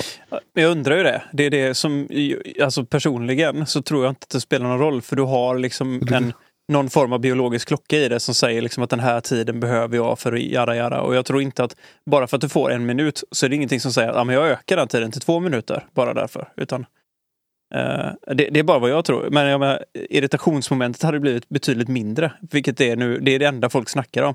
Ja men i och med att Nico blev liksom Mm. avstängd och för att han blev klockad och skit. Alltså det är ju så mycket negativt just kring hela tidsgrejen nu som jag tycker är så onödigt. För det behövs inte vara så jävla gnälligt liksom. För det där pratar de faktiskt om i, i eh, vad heter det nu, Upshot heter den. Eh, att istället för att eh, gå på sp- specifika spelare, man säger till hela kortet att nu går det för långsamt för er. Och om ni, Mm. ni inte rappar upp eh, takten för hela, för hela gänget här Mm. så, så kommer ni få, allihop få, få eh, eh, en varning eller en, Mm. eh, en plikt liksom. För att det är inte bara vi puttar, det är liksom Ja, hela det är, ganska grejen. mång, det är ganska många situationer. Att man, det är så att visst, du börjar, du börjar eh, räkna klockan när du står vid disken. Men du vet, folk håller på och de ska springa runt och titta och de ska byta Mm. diskar och det ska vara liksom eh, Mm. torka händerna med fyra olika sorters påsar liksom. Ehm, ehm, så det kan ju vara något, för det blir också lite sådär att uh-oh, nu får vi nog tillsammans ta och snabba på. Men då vill man ju inte heller vara den som ger hela, hela kortet en... Eh, alltså som kostar hela kortet Mm. eh, plikt liksom. Det vill man ju inte. Nej, det tror jag är en Mm. bättre lösning. Alltså kollektiv bestraffning just i det att, för då blir det också... Nej, men på något sätt så tror På jag att folk... kort. Nej men alltså helt seriöst så tror jag att folk hade kanske vågat kolla. Alltså det blir en helt annan grej. För Mm. du vill inte heller vara den som grusar hela kortet så att alla andra får, får en Nej. varning eller plikt liksom. Nej, för att det är ju det där om det, man vill inte vara den som kolar någon annan. Därför att jag vinner egentligen ingenting på det. Visst, om det står massa pengar på spel och vi är i en sista runda och det skiljer ett kast mellan oss. Men jag menar, det, så är det ju sällan. Utan det är bara för att sätta dit någon annan hela tiden. Och visst, det är ju en del av spelet att man, man är varandras domare och det, man måste sköta det. Men det kostar liksom lite energi för en själv eh, hela tiden att göra det. Om det istället är så att det faktiskt påverkar mig också, att vi, vi måste liksom prata om det. För att, vad var det, det var någon tävling för någon vecka sedan eller två när, ehm, när det var Gannon och ett par till och det där, det där eh, alltså sista kortet på den tävlingen, det gick så långsamt så att man, man eh, så det var ett kast av 50 minuter kändes det som. Liksom. Eh, De bara gick och drog fötterna efter sig hela rundan. Eh, och det blev ju outhärdligt. Nu var ju de visserligen sist ut så det var ingen bakom dem. Men... Eh, Ja, det blir Var inte de inne typ 40 minuter senare än alla andra också? Någonting sånt tror jag. Det är galet var det. Alltså. Vilken tävling var det? Jag minns inte. Var det Idlewild eller? Det är nog inte helt uh, otippat. Eller om det var Diglo eller något sånt va? Iglo var det nog va? Diglo var det kanske. Mm. Mm. Ja, ja. Strunt samma. Ja. Gött. Han är bra i alla fall, Gannon Burr. Han är väldigt, Så väldigt det bra. är han. Bra, verkligen. Och han som sagt, han skärpte sig. Mm. Så Mm. det... Tror vi att det han var, sitter i då? Det får vi väl se. Han är ju typ 12 år gammal så att det går väl att forma honom fortfarande. Ja, men jag vet ju, han fick ju skit förra året utav Drew Gibson var ju på honom. Och Mm, ja. under, eh, det var väl under sista, vad heter de, eh, Championships va? Disc Golf Pro Tour Championships. Mm. Eh, och efter det, för då var han ju, jag tror att han var med på, om det var Nick and Met eller någonting, och då sa han det att han hade försökt under off-season till detta året ändrat sin Mm. rutin och försökt liksom snabba på. Det verkar ju inte som att det har suttit i i alla fall, utan nu är han ju, han har ju fallit tillbaka på gamla rutiner igen. Så att, Mm. eh, Men kan, kan det inte vara som så att det funkar nu när folk verkligen har fått se att de har blivit hårda? För hur ofta, räkna tillbaka typ tre fyra månader, hur ofta fick någon en varning för att de tog Nej. lång tid på sig? Nej men nu har ju Aldrig. PDG gått ut och sagt att de ska vara hårdare med officials och sånt. Så att vi kommer ju Mm. se ett, ett, hårdare, ett mer stramare liksom, regelverk kring. Eh, och det var ju som under European Open när hela eh, incidenten med Nico var. Uh, Chandler Kramer sa ju det att de var ju på och kollade hela kortet. Han fick ju också varning Mm. för att han Mm. drog sig över tid på, Precis. på 10 och sånt. Liksom, så att de var ju verkligen... Och han sa det, det var inte så att de specifikt liksom headhuntade Nico för att ge honom skit under en hel runda. Utan det var verkligen att official gick med i hela kortet och sen så kollade han under hela. Eh, så att, ja, vi Mm. får se vart det, vart det landar så att säga. Ja, och det är ju viktigt att, att hålla eh, liksom uppe tempot. När det, är, det blir långa backups och det, det påverkar ju liksom sändningar och det påverkar ju spelarna bakom. Och, eh, för det hade de också jobbat ganska mycket med, med, med den här Northwood till i Mm. år. För förra året var det ju jättelånga backups på flera av hållen där de fick runt och leta disk ute i, Mm. ute i buskarna under Känner man igen? lång tid. Ja, gud ja. Men apropå Eh. det med backups, det var ju det, Paul sa ju det också i någon, eh, någon av intervjuerna efter just på European Open att eh, efter hål 12, för det var ju sån extrem backup på hål 12 och då fick de ju Mm. sitta typ 3-4 kort och han sa ju det, jag hittar ju aldrig tillbaka till rytmen. Alltså han hade ju ett ganska Nej. gött flow och så var det front 9 spelade han svinbra. Back 9 så gick det inte alls lika bra för att han liksom tappade momentum mer eller mindre. Så att jag menar Mm. det påverkar ju mer än bara produktionen också liksom. Ja, men så är det ju. Eh, såklart. Jajamän. Det ska jag skylla på nästa gång. Ja, ja. Hela det tiden. NT, backup. Fan, jag spelar så bra framtid. ja, NT i Onsala nu, jag kommer säga det hela tiden, så fort så här, det gick så dåligt så här, för jag fick sitta och vänta en stund på tid. Liksom. ja, just det. Så, men, eh, det var herrarna då. Mm. Ricky etta, Macbeth tvåa, Ganniver trea. Så att, Precis. Eh, Men som sagt, det var lite, en liten sval avslutning. Det var aldrig riktigt fight om det. Eh, och det var väl nästan lite samma på damsidan. Ja, precis. Missy Gannon, hon, hon dyker upp när det blir stora pengar. Mm. Eh, hon har ju haft den, den tendensen och, och hon eh, vann ju eh, Tour Championship. Ja, Eh, men hon precis. blev väl den så, eh, största, vad säger man? Payouten va? Största, pers- ja, största Hon- payout, men hon blev väl också den som spelade in mest pengar på en säsong va? Förra, Ja, verkligen.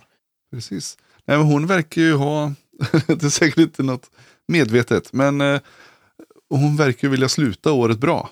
Vilket är bra för sina aktier. Eh, vem Ja. minns den som vann Waco nu liksom?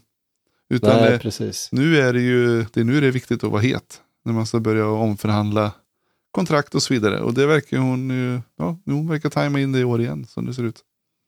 Sen kan väl jag tycka just eh, den här tävlingen att visst hon spelar jättebra och hon var ju Mm. klart bäst. Eh, men med tanke på hur eh, Kristin Tatar spelade till exempel som ju kommer tillbaka från en skada. Mm. Hon gjorde enormt grova, enkla misstag, kastade rätt in i träd som stod liksom två meter ifrån henne eh, och sådana saker. Eh, såg ut som en annan spelar. Eh, hon slutade ändå på tredje plats trots eh, att hon faktiskt spelade rätt dåligt, missade en del puttar. Även Page Pierce trodde man ju nästan inför sista rundan där skulle vara den som satte Mm. Men hon, det, Northwood passar ju inte henne riktigt. Det är inte hennes typ av, eh, av golf. Så att ehm, hon vill ju bomba på liksom och det, man måste hålla igen lite i skogen. Ehm, så att det kändes mer som att det var de andra som eh, inte riktigt kom upp i, i nivå än att Missy Gannon drog iväg och gjorde sitt livs runda. Det kanske hon gjorde ändå, men, men Mm. eh, det kändes som att det var mycket misstag från de andra. Men återigen, alltså Owen Scoggins tvåa. Hon, eh, hon är ju het alltså. Men hon har ju radat upp ju så, sina hon puttar ju så fantastiskt jävla bra. Det bara, det bara fladdrar, men det, den bara sitter hela tiden. Eh, hon, har, hon har väl högst puttprocent av alla, i, även MPO inräknat. Mm. Ja, jag tror det. Eh, Ja, men det är just att ja, hon bara går upp och skvätter i den. Hon, eh, det såg man även på det. Det var ju lite roligt med Putting Championships. eh, Den där All-Star var det väl. Ja, de Mm. hade ju off-season-grejen där. De körde... Precis. då såg man ju hennes, liksom, att hon bara öste liksom. Mm. Helt sjukt. Ja, ja, hon, hon tvekar ju inte en sekund. Där är det inga, hon, hon, hon, hon behöver inte ens 15 sekunder vid disken. Nej, precis. Hon är den som sänker snittet som Ted eh, liksom är ute efter. Att eh, det liksom jämnar ut sig på slutet ändå. Men då kommer de sätta så här mixed kort med Ons Goggins tillsammans med Gannon sen då för att eh, jämna ut det lite. Jajamän. Men jag, Ja, precis. apropå ingenting, så kollar jag upp lite stats nu på Missy bara nu när ni satt och snackade. Hennes Mm. sämsta placering i år är en 16 plats. Hon har Mm. alltså spelat femte, hon börjar med femte plats, sjätte, sjunde, tolfte, tolv, tolva, femma, etta, åtta, tvåa, sexton. Kom sen och det var på Dynamic Disc Open när det blåste helskottafyr. Sen Mm. har hon alltså eh, OTB en sjätte plats, Portland en fjärde plats, Preserve en andra plats, eh, USDGC för damerna en tionde. Sen Idlewild en andra plats. Och så eh, Diglow hade hon en tolfte plats och nu så, så hon har ju inte spelat dåligt i år heller. Alltså, Absolut inte. för jag, jag tror att hon har liksom snikit lite under radarn någonstans. Man Mm. tycker att hon har haft en ganska dålig säsong men eh, uppenbarligen inte jättedålig. Nej, Men kurvan pekar ju uppåt. Det är ju tydligt. Ja, Men hon, hon sa ju det. Det var ju en bra intervju med henne efter, eller, förlåt, Idlewild när hon kom tvåa. Att komma tvåa. Ja, det, det är lite typiskt så, men jag är så vansinnigt nöjd med att komma tvåa i det, i det här liksom fältet. Och eh, det är lite min säsong. Som det är lite talande sa hon att eh, eh, jag Ja. har inte legat, jag har, jag har inte spelat dåligt. Det är bara att det är tight där uppe. Ja, det är ju det. Och sen, det är, känslan jag har är att när Kristin nu får spela igång lite grann och komma Mm. tillbaks till, till Nordamerika, um, får känna att hon har gjort en, för nu är det liksom en fyra runders tävling nu med Mm. den skadan hon har haft och känna att det funkade ändå. Spelar bra om- första rundan. Spelar jättebra första runda, även om fjärde rundan då kanske inte var den allra bästa. Hon gjorde en del. Det kändes, Mm. det kändes kanske som att hon var lite mer påverkad än vad hon ville ge sken av Mm. eh, på den sista rundan där. Så um, om hon känner att hon får lite självförtroende ändå utav den här starten tillbaks på, på touren. Hon har ju faktiskt inte varit utanför pallen på hela säsongen. Mm. Ehm, Ja, det är helt galet. Otroligt. Då måste hon ju ses som favorit till VM. Mm. Ja. Ja, det råder det väl inget tvivel om egentligen. N- när hon är fräsch egentligen så... Ja, Och det skulle, alltså skulle vi få en, en europeisk VM-seger i första sen Biggan då? Mm. Precis. Ja, mäktigt. Det, det är det vi håller tummarna för. Det är ju också det argumentet man vill ha för att på sikt också ta ett VM till Europa ju. Mm. För att så länge det inte blir några som helst eh, världsmästare från Europa så blir det liksom svårt att göra det argumentet. Mm. Jajamän. Det är när Jussi öppnar lädret sen, vet du, då, då kommer de springande bara. Ja, jo. Ja, Jussi, kommer vara inblandad i sådana fall. Det kan Ja, vi vara säkra Hundra på. procent. Eller latitudmiljardärerna. Mm. Eller miljarderna. investmentgänget. Mm. Precis, det ska bli väldigt spännande att se vad, vad det blir av det. Men, hörde ni. Mm. Det var ju faktiskt så att eh, vi sa att Missy kom etta och hon tvåa. Mm. Sen sa vi Kristin trea. Hon var ju delad ihop med Page och Mm, Lisa Fikes av alla. Mm. Ja. Men, ja. Passar inte det henne lite också då att det inte var någon riktig, liksom sån, ingen av banorna i, kräver ju egentligen att du har ett eh, jättekast liksom. Nej.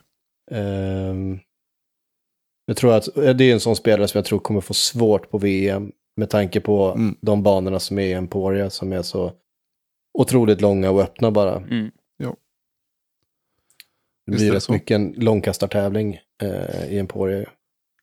Verkligen. Alltså där är det ju... Man ska ju aldrig räkna bort Page egentligen heller. Framförallt inte nu när hon Nej. grusade sin, eh, sin sjätte VM-titel i eh, eh, förra, förra året. Mhm. Jag menar det är väl hon och Paul som håller på att racea nu, känns det som. Att de verkligen vill. Precis. Oh yes. Så att... Nej, det är klart att hon kommer vara... Och framförallt på en, på en sån bana, nu Mm. får vi väl se. Eh, hon är ju lite, hon är lite fladdrig ju, eh, Mm. i, i sitt spel. Så att det är det sådana förhållanden som det var på Mm. DDO till exempel, att det blåser väldigt mycket. Då tror jag definitivt att det blir att Page är någon som har större nackdel av det än Oh ja. än Kristin eller eh, Katrina Allen. Eller... Sen får vi väl se, menar Evelina Salonen kommer Mm. väl dyka upp också. Hon kan kasta långt. Mm. Och jag menar hennes andra runda på European Open. Mhm. eh, De hade alltså samma layout som Mm. herrarna och hon går fyra under. Hon hade alltså, spelade alltså helt jämnt med Ricky Wysocki den dagen. Det är sjukt. Eh, vilket är helt jävla stört. Med Mm. tanke på hur långt han kastar och vilken typ av bana det är. Verkligen. Att hon går fyra under. Det, hon visar ju med den rundan att hon har ju högst, högsta nivå av Mm. alla damerna i världen. Och hon ska bara få ihop sitt huvud ihop med liksom Mm. allting. Det- För det är ju det. VM är fem runder och det, Mm. där, det, finns så, Mm. det finns så många lägen att fullständigt tappa skallen. Att, eh, därför går det ju inte att sätta Evelina som favorit. Det är bara att tänka på det gick på EM förra året. Alltså, Ja, det är det vi vill inte tänka på det. inför sista rundan och sen bara platt fall. Ja, hon har ju problem med, eh, med eh, prestationspsyket. Alltså det, eh, det bara är ju så. Men hon är så jävla duktig. När, Mm. när, hon, när hon får flowet så är det ju ingen som hänger med. Snacka om Apropå det. skillnad på henne och Page egentligen när det kommer till prestationspsyke. Snacka om en Mm. person Ja, ja, som ja, ja. verkligen, alltså, som verkligen liksom blir taggad av press och får jaga. Och hon mår Mm. ju inte bra när hon har en jättestadig ledning. Det har vi märkt flera gånger. Mm. Då är det precis som att hon bara tappar allting. Hon tappar motivationen och skiter i Mm. allt liksom. Visst är det Ja. så. Ja, Du, eh, jag vill också bara flika in apropå det där med mental game. Mhm. Så gick ju Kona Star Panis ut med det nu. Eh, Att hon jobbar hårt på det. ja. Hon har, hon har insett att eh, ja, men det, det har satts mycket press. Och hon behöver jobba med sig själv. det märktes ju att hon blev väldigt påverkad av kontraktet hon skrev och den Mm. pressen som det eh, medföljde liksom. Mm. Ehm, för hon har ju varit, hon har ju varit klappkast den här säsongen. Får man faktiskt säga. Hon Ja, har ju dykt upp på någon enstaka runda här och där, varit med liksom topp fem in på någon sista, alltså det är ett, men hon nu har ju varit långt ifrån toppen verkligen. Mm. Hon Jo. kan ju egentligen, vi såg ju början på förra säsongen, hon vann Mm. väl både Och Eh, Waco vann hon väl? Allstar och Waco ja. Mm. Det var då när hon hade lagt sig till med den här konstiga Anheuser-putten. Eh, just det. som var het i två veckor. Det som funkade i två veckor, sen aldrig funkade igen. Eh, Nej, Nej men det, det, det där är något annat typ av, vad ska man säga, det är en annan bäst att hantera. mm. Eh, och det är bara att hålla tummarna att eh, hon löser det. För hon är en duktig spelare och hon har framtiden för sig. Jo, ja. Eh, och hon har eh, landat ett fint kontrakt. Ehm, Mm. och fattar att det, det, är, en, det är inte kul. Men det är så gött för att de, de banar ju verkligen vägen för resterande FPO också. Ja, så att, så jag menar, med det, med det kontraktet hon får så har de ju liksom höjt, alltså s- liksom, och att det är ja, offentligt och allt ja detta. men alltså ribban hö, höjs ju och jag menar, Mm. så här, okej kan Kona landa det, då kommer jag ju också kunna kräva betydligt mer nästa gång jag kommer kunna förhandla liksom. För att det finns ju tydligen pengar att hämta. Ja, såklart. Eh, Valerie Mandohano eh, Mm. sitter ju i ett bra förhandlingsläge nästa gång hon ska Skojar du eller? Mm. prata med Eric McCabe där på... Mm. eh, Hej du, på vi det- kan kolla lite stats här under säsongen. Ja. Vi signar ju typ samtidigt så att eh, jag tänker att eh, sugen på att öppna lädret lite eller? Precis, men hörni ni, eh, inte bara väl som har bra förhandlingsläge. Det är en liten shoutout till Alexis också, för hon spelar ju betydligt bättre än syran i helgen. Mhm. Just det. Eh, så hon kommer sexa. Är hon också DD-sponsrad eller? Mm, ja, Mm. precis. Discraft, okej. Så att eh, det är ju bara att lätta på lärt för någon. Får vi se vart Ja. det. Men, men det är också så här att eh, det är ju fortfarande en ganska liten värld ju. Mm. Alla de här vet ju hur mycket pengar det har rullat in hos disktillverkarna de senaste åren. Och att Oh, yes. eh, det, det finns ju utrymme att, att avlöna eh, några spelare. Eh, Mhm. Gör det ju. Eh, Men, men så att, jag eh, tror också, kan det inte vara så här att eh, det är lite vad ska man säga, eh, att det här har varit en boom. Eh, De börjar titta lite mer på ROI, Return on Investment. Mm. Eh, Och vi går in i en recession. Eh, eh, Fastighetspriser går ner. Alltså, eh, jag vet inte, de här kanske som har skrivit på nu har gjort en jädra bra affär. Så kan det ju absolut vara. Och man kan ju inte hålla på och dumpa ut 250 000 om året till alla som vinner, vinner två tävlingar. Så du menar att eh, Paul har gjort ett ganska bra kontrakt med när han skrev så pass länge som han gjorde? Ja, det, är som, det är som rörligt eh, eller fast elpris. Nej men det är väldigt spännande. Det ska bli kul att se nästa silly season. Vad som händer. Om det fortsätter att rampa upp eh, på de här fasta inkomsterna. Ehm, ja, Går, inte, går eh, Brody till, eh, vad heter de? Innova var det väl snack om. Gateway eller vad heter de andra? Gateway. Ja, men vad, vad heter det? OTB. Ja. eh, mm, Ja, det var ju massa sådana så här spännande albatross eller vad det var. Han fick ju... Herregud. Albatross, det är de som gör sådana här, eh, alltså, R- är Riktigt det goa. Intersport eller något sånt där som Ja, har typ. Albatross? Eh, liknande. med Guru. Ja. Nej, men fint. Vi får se vad som händer där. Du, det där Mhm. var Ledgestone. Det var Ledgestone faktiskt. Vad, eh, Viktor, du, ska du säga grattis till din polare eller? Ja, vi måste ju absolut säga ett, eh, ett grattis till den gode Linus Limpan Karlsson som eh, faktiskt blev av PDGA utsedd till årets europeiska spelare 2021 på NPO-sidan. Mm. Ja, det är nästan så du kan få klicka fram några applåder där i... i Du dina- tycker detta? Så jag se om jag kan hitta några goa... Här har vi dem. Det är jag. Det var det han fick. En snabb.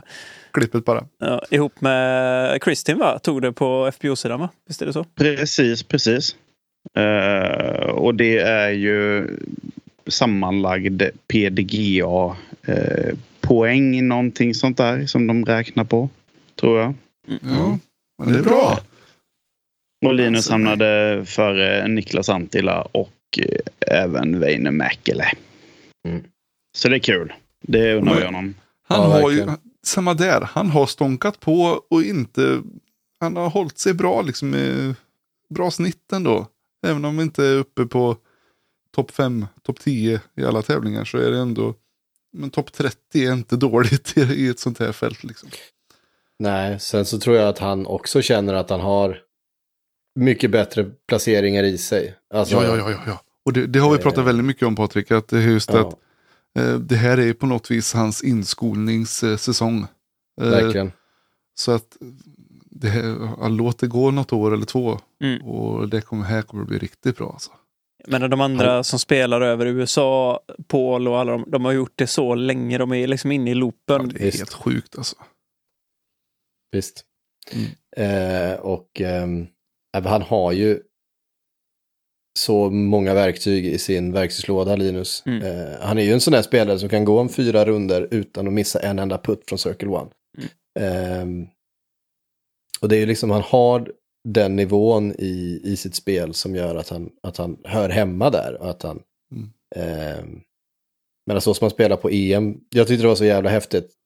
Dels ja, men då, som han spelade på EM, banrekordet där i, jag menar så här, det är öppen bana, det var ingen vind, det var soligt och spela helt fantastiskt. Åka till Västervik och spela SM sen i sidledsregn på eh, Alvikens eh, jävla snåriga, krångliga hål eh, och spela i stort sett ännu bättre. Eh, det var... Mm. Det var faktiskt sjukt häftigt. Jag vet inte hur många kast han vann med till slut där. Eh, Framförallt spöa typ Anders på, på hemmabanan. Mm. Eh, han, fick ju, han fick ju revansch i år. Ja, kan man säga. Sh- Shoutout till Anders från, från hembyn. Mhm. Exakt. Är goa gubbar. De är... Ja, det har inte varit roligt att spela KM i, i Västervik inte. Nej, jag, gjorde ju det kanske då som 13-åring. Mm. Eh, då var ju inte det, visserligen då kanske mot eh, Anders och Stefan och Jonas och, och eh, de var ju supergamla tyckte man. Så, så, Mm, eller hur? det skiljer ju sex år. men, men de var ju supergamla tyckte man då. Nej, så var det. Det var ändå svårt eh, att, att spela KM i Västervik, för det var många som var bra Mm. Ja, redan på den det- tiden. ha- Får man spela på Jenny liksom och ha det som eh, inskolningsbana också. Så att eh, det är man lite avis på. Kan man Ja, inte det- hymla med. det är en fin bana, men den kostar många diskar. Mhm. Jävlar. Mm. Eh, så, mycket, så, så mycket plast man har spridit i buskarna där. Mm. Ehm, ah, det ska jag, inte jag spelade faktiskt inte speciellt länge då. Man höll på i, i ett par år och sen så, eh, sen så tappade jag liksom discgolfen helt. Det var faktiskt när jag flyttade till Göteborg senare som när jag började spela Slottsskogen. Eh, kanske runt 2000, ja men det är liksom tio år senare. Mm. Och spelade några år och sen tappade jag det igen. Och sen så för några år för några år sedan så flyttade min bror tillbaka från USA. Han hade bott i Austin i, i fem år. Och, och han hade ju då igen upptäckt discgolfen en tredje vända där borta. Så när han flyttade hem då 2018 eller 19 eller vad det var så sa han, fan har du kvar dina diskar? Eller? Ja, det ligger några uppe på vinden. Så. Och då öppnades upp en helt ny värld, för då fanns ju plötsligt liksom eh, Jomes och det fanns eh, hundra nya liksom, märken på diskar som Mhm. inte fanns tidigare. Och, ja, det, var, det var liksom verkligen att komma tillbaka till en helt annan sport, men det var fortfarande lika roligt. Och jag kände att jag hade, kanske tidigare då när jag hade spelat, hade just, var just de här delen, alltså den här att kunna följa någonting, att kunna ta del av någonting större som inte bara var riddarrundan i, i Slottsskogen. Eh, var kanske det jag saknade för att liksom på något sätt stanna kvar i sporten de gångerna. Eh, men att den här gången det att jag gjorde att jag igen trillade dit på det och mycket hårdare än vad jag har- gjorde då tidigare var just kanske de här grejerna runt omkring mig. Att det fanns en proffstor och det fanns YouTube-grejer och det fanns liksom diskar tillgängligt och det var bara för fan klicka in på disksport och Mhm. bläddra. Eh, Det kunde man liksom inte göra då. Mm. Eh, och man visste, det var, det, var svårt att, det var svårt att få information och svårt att ta del av utav grejer. Eh, så det är verkligen en helt annan sport nu. Alltså det är 15 år sedan. helt galet. Jag minns också det där. Jag hade också ett uppehåll, liksom lite kom tillbaka. Just när liksom, ja men du vet, Starplasten från Innova hade kommit och liksom Destroyers och Wraith och ah, hur mycket som helst. Man bara, men vad är det här för värld? Alltså vad Mm. är det jag har missat liksom? Ja, visst. Nej, sjukt. Fint vet du. Ja, det, är, det är sjukt roligt att, att få njuta av discgolf nu. Mm. Men det finns så mycket och så mycket som är tillgängligt. Jag menar, vi har ju, det har vi pratat om innan, liksom, hur det var. Som sagt, jag började också spela runt 90, 90-talet här, Patrik. Och, och Mm. jag menar, skillnaden då mot nu, det är ju att allting är så extremt tillgängligt. Ja, Eh, precis. det, är liksom, det finns ju, du, du som bara glider in på, på vad heter, Youtube och så kan du hitta allt och lära dig så mycket mer. Jag menar, där stod man ju och gnola liksom, hur ska man kasta och ansats och liksom det fick man ju från de man spelade med då, ute på banan. Mm. Så det, Ja, det var... Nej, men alltså, då var det ju liksom bara en ren slump, alltså på 90-talet, att man bodde i en stad som Västervik där det fanns en bana överhuvudtaget. det fanns någon som visste. Eh, och att Intersport i Västervik faktiskt hade en liten låda med diskar som man kunde köpa. mm. För det var ju verkligen inte alla liksom, Intersport i Sverige som hade liksom 94. Oh nej. Um, kan fan vara ännu tidigare kanske. Ehm, och nu liksom, ja, det finns så extremt mycket. Det finns ju alldeles för mycket. Oh ja. Ehm, Alltså då Så. fanns det ju, jag minns ju när vi, vi köpte ju mina, eller våra första diskar utav Onsalaklubben när de hade World's Biggest liksom. Då hade de en, liksom en liten låda som man kunde köpa lite gamla diskar och sen var det ju, hittade man ju Knickarps. Och då var det liksom på den tiden, man fick ju hem skickat, du vet, ett en liten katalog som man sitter och gick igenom, så här tryckt Mhm. katalog och så ringde man in till honom och så liksom snackade man så här, "Vad- vad, är det, vad är det nu som är nytt och fräscht liksom. Och- Så det, ja, det var häftigt. ja. Eh, ja, det är verkligen, men det, det, det är fantastiskt kul. Men sen är det också det här att, jag menar, jag, vi introducerade min farsa, för när jag och brorsan började spela igen och spelade hela tiden.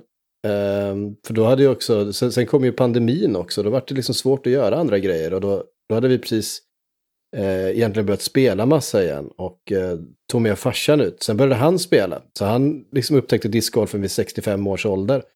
Och är ute och spelar tre, fyra runder i veckan nu på Alviken. Ehm, jag fick ett sms av honom för en vecka sedan. Han skrev, jag gick precis åtta under på Alviken. Så så här, ja, stämmer det här verkligen? Nej, nej, då, så, jag så, ja, fast det var, det var ganska många andra servar. Eh, det, var, det var nog ganska många andra servar. Men eh, att det är liksom en sport som man kan hålla på med så länge. Och jag känner ju fortfarande att jag, liksom, jag gör saker ibland som jag aldrig har gjort förut. Mm. Mm. Eh, häromdagen så kastade jag min livs bästa roller. Eh, vid 41 års ålder liksom. Eh, och det är också, är man fostrad i Västervik så är kanske inte roller det man automatiskt blir bäst på. Ehm, ehm, så jag tycker, det är liksom inte ett kast jag har haft, men det är liksom, man, man kan utvecklas i den här sporten även Mm. fast man... Mm. Eh, Jag menar, det finns ingen annan sport där jag eh, har hållit på med tennis, jag har hållit på med, med fotboll, hållit på med mängder med grejer. Och alla andra sporter så är det ju bara en ganska brant kurva nerför i, i prestation. Eh, och även, även om eh, jag aldrig kommer bli speciellt bra i, på discgolf någonsin, så kan jag ändå fortfarande lära mig saker. Eh, Jajamän. och det är, ju, det är ju det som är det, det absolut häftigaste tycker jag. Ja, Mm. men det är ju det som är så fantastiskt med den här sporten just. Och ja, ja nu kommer vi tillbaka till Lidköping. Hur svårt det ska vara liksom att få anlägga en bana här. Och, och det är liksom det här man försöker trycka på. Att det är för alla. Mm. Det är inte bara nördarna. Nördarnas sport. Utan det, är, det går att branscha ut. Alla kan göra detta. Jag, jag stötte på ett sånt riktigt härligt gubbgäng nere på Rudan. Här är vi, det är klart, det är mycket folk på Rudan och det är tillgängligt och det ligger liksom eh, Mm. nära Stockholm och så vidare. Eh, och de var verkligen, de såg ut som golfare. Det var ett, ett gäng gubbar i, ja men de var nog som min farsa liksom, mellan, mellan 60 och 70. Eh, och hade liksom en disk var och hade tagit sig ner till Rudan och jag vet inte vem, det var, måste varit någon av dem som hade lite fler diskar och som var liksom drivande i det här. Men de var där i sina eh, liksom, eh, heter de, Callaway-brallor och eh, eh, Gore-Tex-skor och så vidare. Och de såg ut att ha så jävla roligt. Och, eh, och de var fem stycken så jag liksom gick förbi dem och gick ikapp dem och, Mm. eh, och sådär. Och de var, de var helt lyriska alltså. Eh, de tyckte det var så jävla roligt. Och de var, kan man kasta så här? Och hur funkar det här? Och, eh, det är massa frågor. Det är, liksom, det, är, det är faktiskt en sport som går att upptäcka Mm. i liksom pensionsålder. Eh, och det växer ju liksom inte på trän aktiviteter överhuvudtaget som går att göra. Nej. Ehm, Ja, men det är typ bull, golf ja, och discgolf. precis. Och även golf, jag menar, det, har du inte en golfbil så är det, en, det är liksom en lång jävla promenad för många. Ja, det, spelar- det är ju precis, det är en väldigt mycket mer tidsanspråk. Ja, spela en, och du måste boka tid och det kostar massa pengar. Eller så kan du åka ut och spela nio, en niohålare någonstans, discgolf, och det tar, det tar en timme liksom. Mm. Eh, och du får rört lite på dig och det är lite kul och lite utmanande. Ehm, Ja, det, eh, är, det. det är en sjukt bra sport som ni har valt. Har inte Mattias flyttat till Lidköping? Falköping. Falköping Så är han är ju inte flyttat till. superlångt ifrån alltså. Han- Det är rätt nära. Gillar man discgolf flyttar man inte till Lidköping. Utan då är ju Falköping vansinnigt mycket bättre som har Mösseberg som är liksom världsklass. Så att eh, jag förstår Mattias i det läget. Ja. Du åker dit och spelar då gissar jag? Ja men det gör vi ju. Eh, nu har vi dock eh, lite närmre eh, nu för tiden. Men för en två, tre år sedan så var det ju Falköping som var närmast. Mm. Hur bara långt var för- det till Borås därifrån? till- Ja, över tio mil. Vad är Ja, det? det är typ en och en och... halv. En en Ja, halv. en och fyrtio. Klockade inte du det när du körde ner när jag var i... eh, Jo, jag har ju varit i Borås flera gånger. Shoutout till mina kompisar. Eh, nej men det, ja, precis, men, eh, ja men en och en halv någonting. har för mig. Ja, där, där är man ju faktiskt, jag har tänkt på det, att precis också en bidragande faktor är ju att ehm, här i Stockholm är det faktiskt ganska tillgängligt. Mm. För bor man söder om stan, jag har en halvtimme till Visättra, en kvart till Rudan, 20 minuter till Västerhaninge, 20 minuter till Tyresö. Ehm, och det är fyra bra banor liksom som också skiljer sig ganska mycket och man kan få lite, lite variation. Ja. Jag känner sällan att jag, oh nu måste jag åka någon annanstans för att få, få något annat utan jag klarar mig rätt bra på de här fyra banorna liksom. Ja, det, det, det, är- det ska ni vara glada för att ni har. Mm. Jajamän. Grymt. Ska vi rulla vidare lite Ted, eller vad tänker du? Ja, jag tänker det. Och vi har ju faktiskt skrivit något form av, vi har ju betat av sjukt mycket av de punkterna som ni, eh, vet Mm. det, Viktor har skrivit här. Jag ser att han sitter och redigerar hela tiden. Glödande tangentbord här. Men eh, vi har skrivit en punkt och det är poddande, för det känner ju som att det måste vi ändå beröra lite. Mm. Eh, och eh, lite så här, hur startade poddandet på Aftonbladet där? Ehm, det startade ju egentligen med att eh, vi ville expandera vår silly season-bevakning. Eh, det hade gjorts lite podcastförsök eh, och där under 2013 så var det det hade dykt upp lite, det var en liten, liten hype runt just podcast då. Eh, jag har- har, förutom eh, att jag är utbildad journalist, så är jag också utbildad eh, webbutvecklare.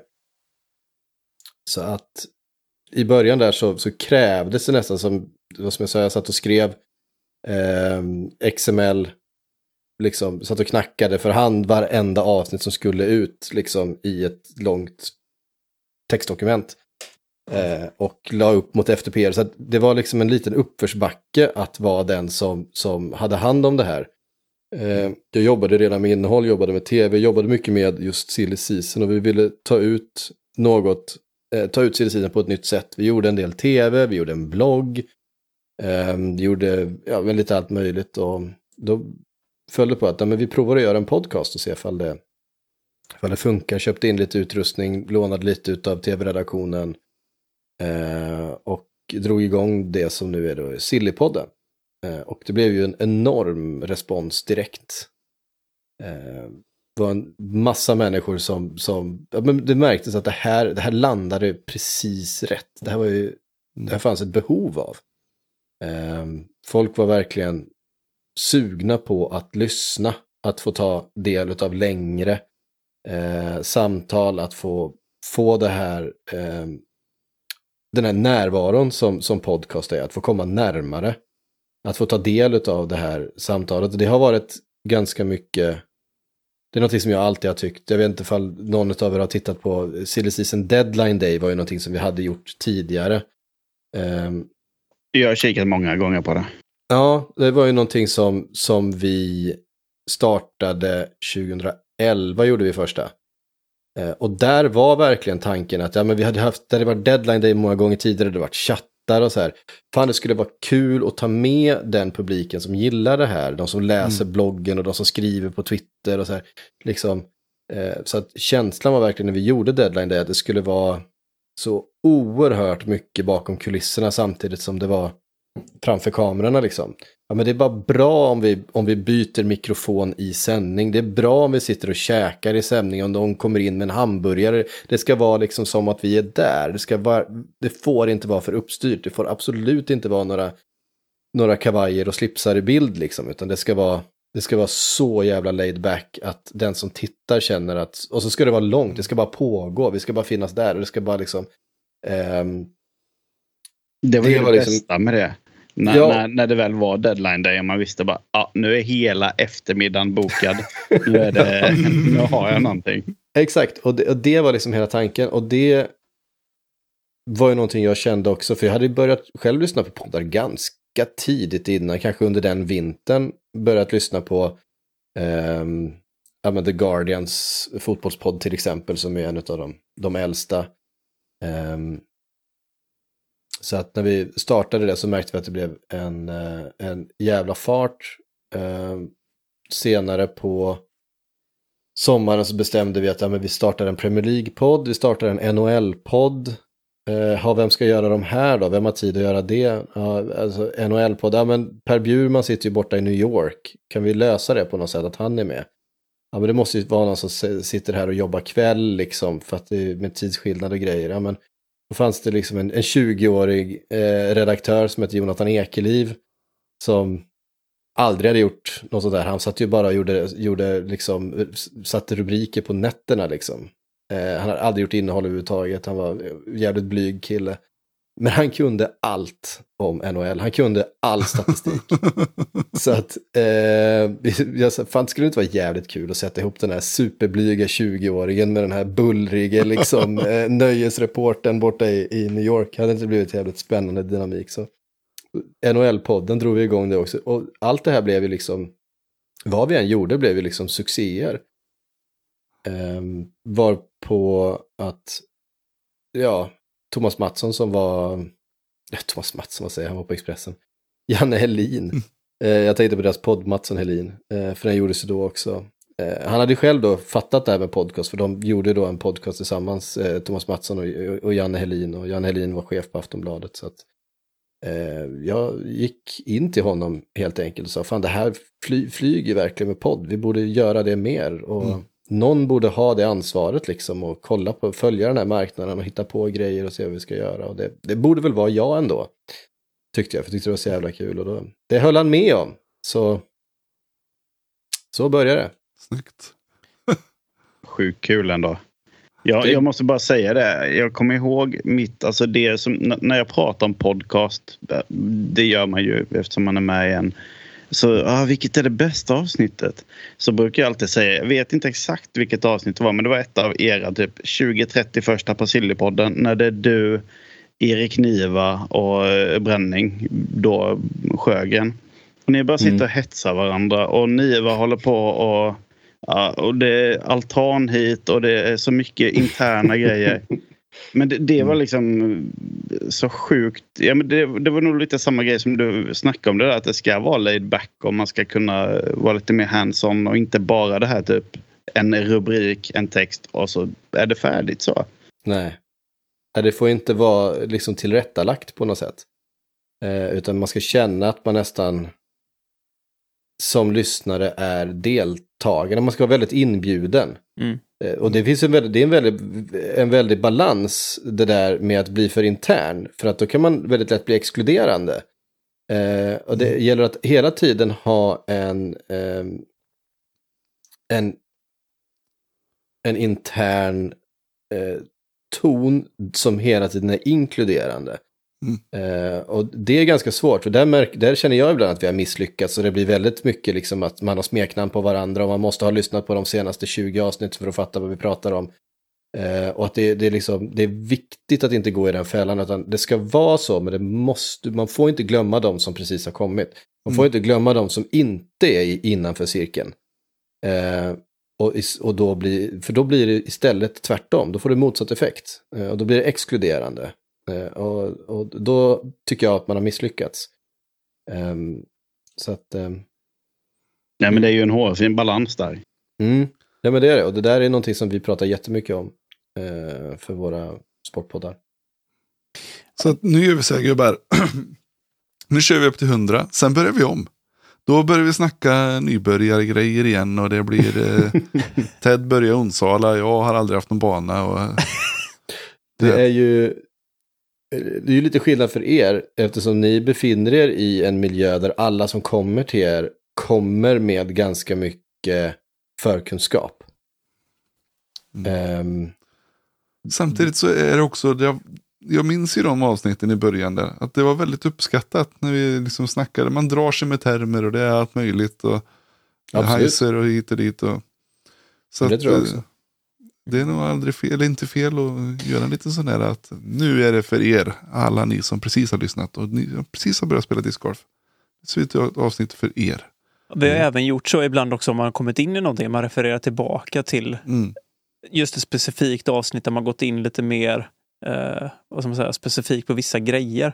Det är jävligt svårt det där. Alltså vi, vi sitter ju och blöter och stöter och vi, vi har väl lite varit så, känner jag, att vi har någonstans försökt hitta liksom själva grejen i det. Och vi har varit ganska dynamiska i, i hela upplägget med podden också, att man försöker liksom hitta det som funkar och flyter och, och vara lite lyhörda runt omkring vad folk tycker om. Och det där är så jädra svårt. Alltså så här, ska man köra en timme, ska man köra två timmar eller ska man liksom Eh, Men eh, det har blivit som det blir, vi bara kör. Men man måste ju försöka förstå sitt varumärke, förstå det man skapar och Mm. portionera ut lagom mycket av det. Nej, men det är också Jo. så här, om, så länge ni är eh, på något sätt genuina med varandra och med er själva och, och, och, eh, och bjuder på att ni är det, så kommer folk också märka att det, det är ganska familjärt och det är ganska, det är ganska lätt att komma in här, även om det finns en liten tröskel, även om det finns Mm. ett internt skämt jag kanske inte är med på från början, så känner jag mig ändå eh, välkommen hit liksom. Ehm, så det där är, det, det är viktigt att det aldrig blir liksom, ja, vad ska man säga? Inte Men jag förstår vad du menar. Det här är just att det ska ändå... Ja, det, men Ja. det, och inkluderande. Att det ska fortsätta vara inkluderande även om Mm. det blir internt ibland. Det är därför man Mm. måste också passa sig för med vilket språk man använder, vilken typ av humor man använder, Mm. vilken... ehm, det, det är inte alla poddar som, som lyckas med. Nej, är det, ja, det är svårt alltså. Men eh, samtidigt är det väldigt kul. Alltså, jag tror att det är väl lite det som är hela grejen nu. Jag tror att alla tre tycker att det är väldigt, väldigt kul att sätta sig bakom mikrofonen varje vecka. Mm. Eh, än så länge. Att det, liksom, det känns inte påtvingat någonstans utan det blir lite som att man har sitt lilla vattenhål. Man står och eh, får prata av sig lite. Jo, men det är samma där. Ni som lyssnar. Om det är något som ni undrar över som ni känner är lite halvinternt. Skicka så tar vi upp det. Vet du. Inga problem. Vad, vadå brås? Vad är det för någonting? Liksom? Eh, vi, har, vi har bakgrunderna till allt. Hoppas jag. yes. Gött. Eh, Patrik, ni styrde ju upp en discgolfpodd eh, Mhm. på Aftonbladet. Och jag Mm. vet ju att eh, den ligger väl fortfarande under betalväg, va? Är det inte så? Det gör den. Eh, vi, eh, vi har pratat om att vi, när vi gör fler avsnitt, för det kommer vi nog göra, eh, ska vi släppa upp de gamla avsnitten. Det, ganska mycket som det funkar nu på Aftonbladet är att nya produktioner och nischad, nischad produktion ska göras mot eh, men mot betalväg, antingen mot Podmi eller eh, mot Aftonbladet Plus. Nu sitter ju Podmi och Aftonbladet Plus ihop, så att det ligger också på Podmi om man har ett Podmi-abonnemang men inte ett Aftonbladet Plus-abonnemang så kan man lyssna. Eh, och det är ju ett, ett strategiskt beslut eh, utav Schibsted om man ser att man ska eh, diversifiera, man, man ser en bättre affär helt enkelt i nischprodukterna. Det är de stora, om man säger journalistiskt, liksom mer um, viktiga produkterna. Eh, alltså de stora bevakningsområdena som, som Aftonbladet har, eh, som ska ligga öppet. Eh, det är också där det finns liksom annonsmöjligheter. Och ju mer nischat det blir, desto svårare det svårare blir ehm, och att överhuvudtaget göra en sån här podd hade egentligen bara varit möjligt ur vår... Men det finns också en poäng med att eh, med tanke på att det finns discgolfpoddar, som den här. Eh, och så, det finns ju fler, som Kedja Ut finns ju också en som heter, och Discgolfpodden och så vidare. Så här. Det finns en poäng med att inte kliva in på exakt samma arena där ni är. Ehm, utan kanske göra det då bakom en betalvägg med en annan, liksom, en annan ton. Att, att erbjuda någonting annat för att Mm. inte... Eh, för menar, sen, där kommer Aftonbladet och liksom ställer sig ovanpå en massa andra. Det är, inte, det är liksom inte det som är poängen. Eh, det finns inte den stora djupa kappsäcken med annonspengar att ösa ur så att vi kan, så man kan bete sig riktigt på det sättet. Mm. Eh, utan det, det var mycket, eh, och det gick ganska bra. Mm. Folk var beredda att betala. Eh, jag menar, du kan ju betala och sen säga upp. Alltså, så vi hade ett erbjudande, jag tror, jag vet inte vad det kostade. 29 spänn eller något sånt där. För ett plusabonnemang. Eh, för att lyssna. Mm. Och tänkte då att vi skulle också göra någonting annat, just som, att vara Sportbladet. Ja, men då hade vi en intervju med Simon Lesoth och vi, vi gjorde det lite mer, alltså vi bevak, försökte kanske vara mer bevakande av liksom sporten discgolf då, även om vi pratade då med lite, eh, ja men Lasha var med och pratade om latitude och diskar och Jajamän. lite alla möjliga grejer. Nej, alltså jag blir lite sådär smått allergisk. Att så fort det är något som man ska köpa eh, digitalt. Det får inte kosta. Det får kosta sju kronor. I stort sett. Men man kan gå ut och köpa en, eh, en mjukglass för 35 spänn. Inga Nej, problem. precis. Nej, Och lägga 10 spänn på nötkross. 45 spänn. Ja. Och sen, senast, senast vi gjorde avsnitt då fick man ju dessutom en disk hemskickad till sig och man blev eh, pluskund och Ja, lyssnare. just det. Ja, det är sjukt. Det, är var ju värde. ganska, det, var en, det var en ganska bra, bra deal ändå. det kan man säga. Fick man en, en rosa Pure Medium Soft. Var det den som eh, var på bilden eh, du skickade inför eh, Precis, med Sportbladet-loggan på? exakt. Vi beställde en låda sådana från, eh, från Latitude som, ehm, ja, helt enkelt man fick en disk om man eh, blev pluskund. Nej, grymt. Ja, det är roligt faktiskt. Jag, gött att du sa att det fanns där på Podme. Då ska jag nog studera. För jag, jag är sån, du vet, Aftonbladet Sport, med tanke på att jag är så extremt osportintresserad som jag är i grunden. Så var det Mm. liksom alltid så här, ja ja, nej men det, du vet, det är en sån grej som man kanske samlar på sig, även om jag tyckte att det hade varit jättekul att lyssna på alla avsnitten. Så var Mm. det mer det här, Mm. eh, ja, men Sportbladet och liksom tänker man så här, du vet, det blir som ett gymkort någonstans. Man fastnar i det, Ja, sen liksom ligger man och tuggar på bara. Men, eh, ja, men gött att veta att det finns på Podme och sånt för då Mm. det är också, där kan man hitta massa annat också liksom, som faller under samma kategori. eller Gud liksom. ja. Mm. Eh, och eh, gissningsvis så kommer ju eh, om och när vi gör fler avsnitt. Mm. Det, var ju, det var ju mycket ett test. Vi ville göra ett antal avsnitt som en serie inför den sommaren eller den våren. Liksom. Mm. Eh, och sen så fyllde vi på med fler avsnitt när vi, liksom, för att följa upp det vi hade pratat om. Och, eh, och för att det är kul och för att det gick bra. Folk tyckte, det, tyckte, tyckte om det när de eh, lyssnade på det. Eh, sen, eh, sen skulle jag vilja göra såklart jättemycket mer discgolf eh, på mitt jobb. Eh, men det är inte bara mitt beslut. Det är väl inte det. Det är väl lite samma sak som SVT-produktionen och sånt som det var ett Mm. jättesnack liksom att allting blev, eh, och jag tror mer att det var folk generellt som är i sfären som tyckte att det var liksom kaos när Qing kraschade och det var liksom Mm. eh, jag tror från SVTs sida om man ser eh, alla ögon som tittade på det Mm. gjorde nog betydligt mycket mer än att produktionen inte var i hundraprocentigt. Utan det är väl mer att man mäter liksom hur, många, hur mycket spikar, hur många visningar fick vi på allting liksom. Kontra om att det var inte hundraprocentigt och så vidare.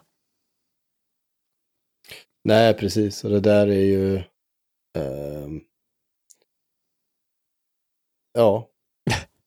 Det, det, det där är ju igen då när en, när en liten intern värld möter en, en ett nyfiken skara utanför. Mm. Mm. Där har ju eh, där, där har ju den objektiva utifrån medien en roll att fylla. Mm. Eh, helt enkelt. Så är det. Oh yes. Spännande. Mm. Har vi några mer frågor där, Viktor, min vän? Du bara sitter där och sneglar i telefonen. Nej, jag skämtar.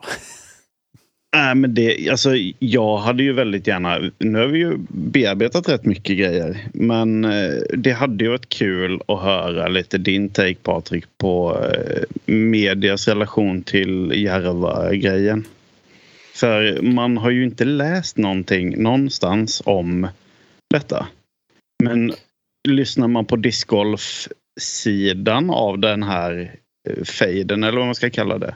Så verkar det ju som att det begåtts brott hit och dit och det är ja, det är liksom skandalöst det som sker men ändå kan man inte läsa någonting om det. Var... Jag tror att det eh, rör, alltså så här om vi pratar riksmedia, så är det kanske en, eh, eh dels en svår story, den är, den, den är lite väl lokal, tror jag. Eh, kanske för en, om jag nu bara tänker mig in att jag skulle vara typ grävchef eller någonting för Aftonbladet eller jobba med, no med något sånt. Eh, jag tror att vinkeln är lite för lokal för att den ska engagera eh, nationellt. Eh, det, jag tror också det, det är en svår story att ge sig in i eftersom det är ganska mycket men så här, ord mot ord, löften som har liksom... Det, det blir svårberättat eh, och svårt att hitta liksom... Eh, även om det ganska snabbt om man tittar på hela den grejen går att bilda sig en uppfattning om att ja, men här, här gick det kanske inte riktigt helt rätt till. Och det här var ju ett rätt taffligt beslut och det här var ju liksom... Eh, så är det, tror jag, jag är inte, så, jag är inte superinsatt liksom i alla turer. Vi tog upp det i discgolfpodden eh, som vi gjorde då. Ehm, och, eh, och pratade om det, men det, jag tror att den är svår att göra, dels för att den inte har ett speciellt stort geografiskt intresse. Eh, och den rör en väldigt liten sport som discgolf. Eh, så att... Eh, det är snarare det, så att man borde främ... attackera från andra hållet, att man gräver ner folk i gamla sopor liksom. Det... den borde ja, vara med. Men... ja, men precis. Det. Men det finns, det finns ju mycket som är konstigt med det, eh, såklart.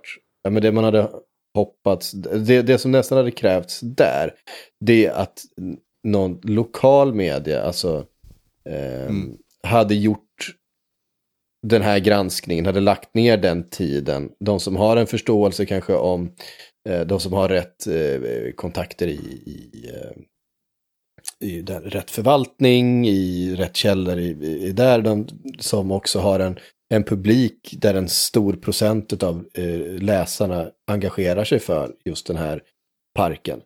Eh, på ett eller annat sätt för nu. Eh, och att det kanske gör, görs ett avslöjande, görs ett jobb där. Och man märker att ja, men här fanns en story som någon har berättat.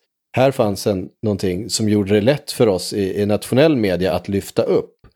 Eh, för att man blir ju ofta lite bekväm och det är samtidigt att man har ett betydligt mycket större område att bevaka när man är ett nationellt medium. Ehm, att man, många sådana saker som är mer kanske lokala vinklar, även om det drabb, liksom berör många människor, ehm, kommer ju ofta från eh, en lokal. Men ta hela Östersundsgrejen till exempel med, med fotbollen kommer ju också från journalister där uppifrån. Från början. Um, Amen. Så att eh, det, jag tror att det är något sånt som skulle till tror jag för att det skulle bli en stor story i eh, nationell media. Eller att det dyker upp något väldigt, en väldigt stor skandal som är väldigt lätt att peka på. Att fan, här har det här gjorts. Alltså det, det är någonting som är supertydligt, lätt att berätta med en, med en tydlig konflikt och, och så vidare. Men det känner inte jag ett riktigt finns där. Det, finns, det, är en, det är en samling av en massa. Ja, men det är lite gråzoner, det är lite diffust. Det är någon som säger att det här har begåtts. Det är ja. någon som säger att det... Och över lång tid också. Det är liksom ja. något som har pågått under år. Det är, liksom, det, det, det, ganska, det är ett väldigt svårt jobb att, att sammanställa till en, till en snärtig, till ett snärtigt reportage. Det är inte ja. omöjligt såklart, men men eh, det, de resurserna ska läggas på det i sådana fall. Och, då... och sen är det lite mjuka värden i det också ju. För oss ja. så är det ju väldigt mycket känslor i detta. Och vi vet ju om, eftersom vi är lite nischade, hur populär mm. och hur älskad den här banan är och hur högt värderad den är i världen. Ja, visst. Men det är en, det är lätt att förbigå när man sitter och tittar på kartor. Och eh, Ja, men skiter man i discgolf så skiter man ju i det också liksom. ja, Ehm, så är det. såklart. Så att Ja. de, de, de, de värdena blir svåra att... ehm, ja, men det är synd. Det, Mm. Järva är ju inte vad det var. Nej. Någonting som jag måste också flika in apropå någonting som är synd. Efter i tisdags då när vi var spelade, i tisdags förra veckan när vi var spelade Onsala ihop, Mm. Mm. Ted och Anders, så eh, åkte vi upp och spelade Uspastorp norr om Göteborg. Som ligger ett stenkast ifrån Ale. Mm. Och när vi åkte från Uspastorp så åker man ju förbi Ale. Och förbi, eh, man ser ju rakt in på hål 1 där på, eh, jag vet inte vilken, Mm. ja, ja Precis, den längs Gärsgård. precis. Gärsgård. Och det gjorde ju ont igen att se. Alltså det var ju bara högt gräs och det var rostigt och förfallet. Och det, man, kan, man kan inte tänka sig att det var en av världens bästa discgolfbanor. Det är... Nej. Det var tråkigt att se. Ja, det är det. Så är det någon lyssnare där ute med fett mycket deg på plånkan. Men vi har, vi har ju redan, vi har ju redan lösningen. Mm. Det skulle bli, det skulle bli en, Latitud. Exakt.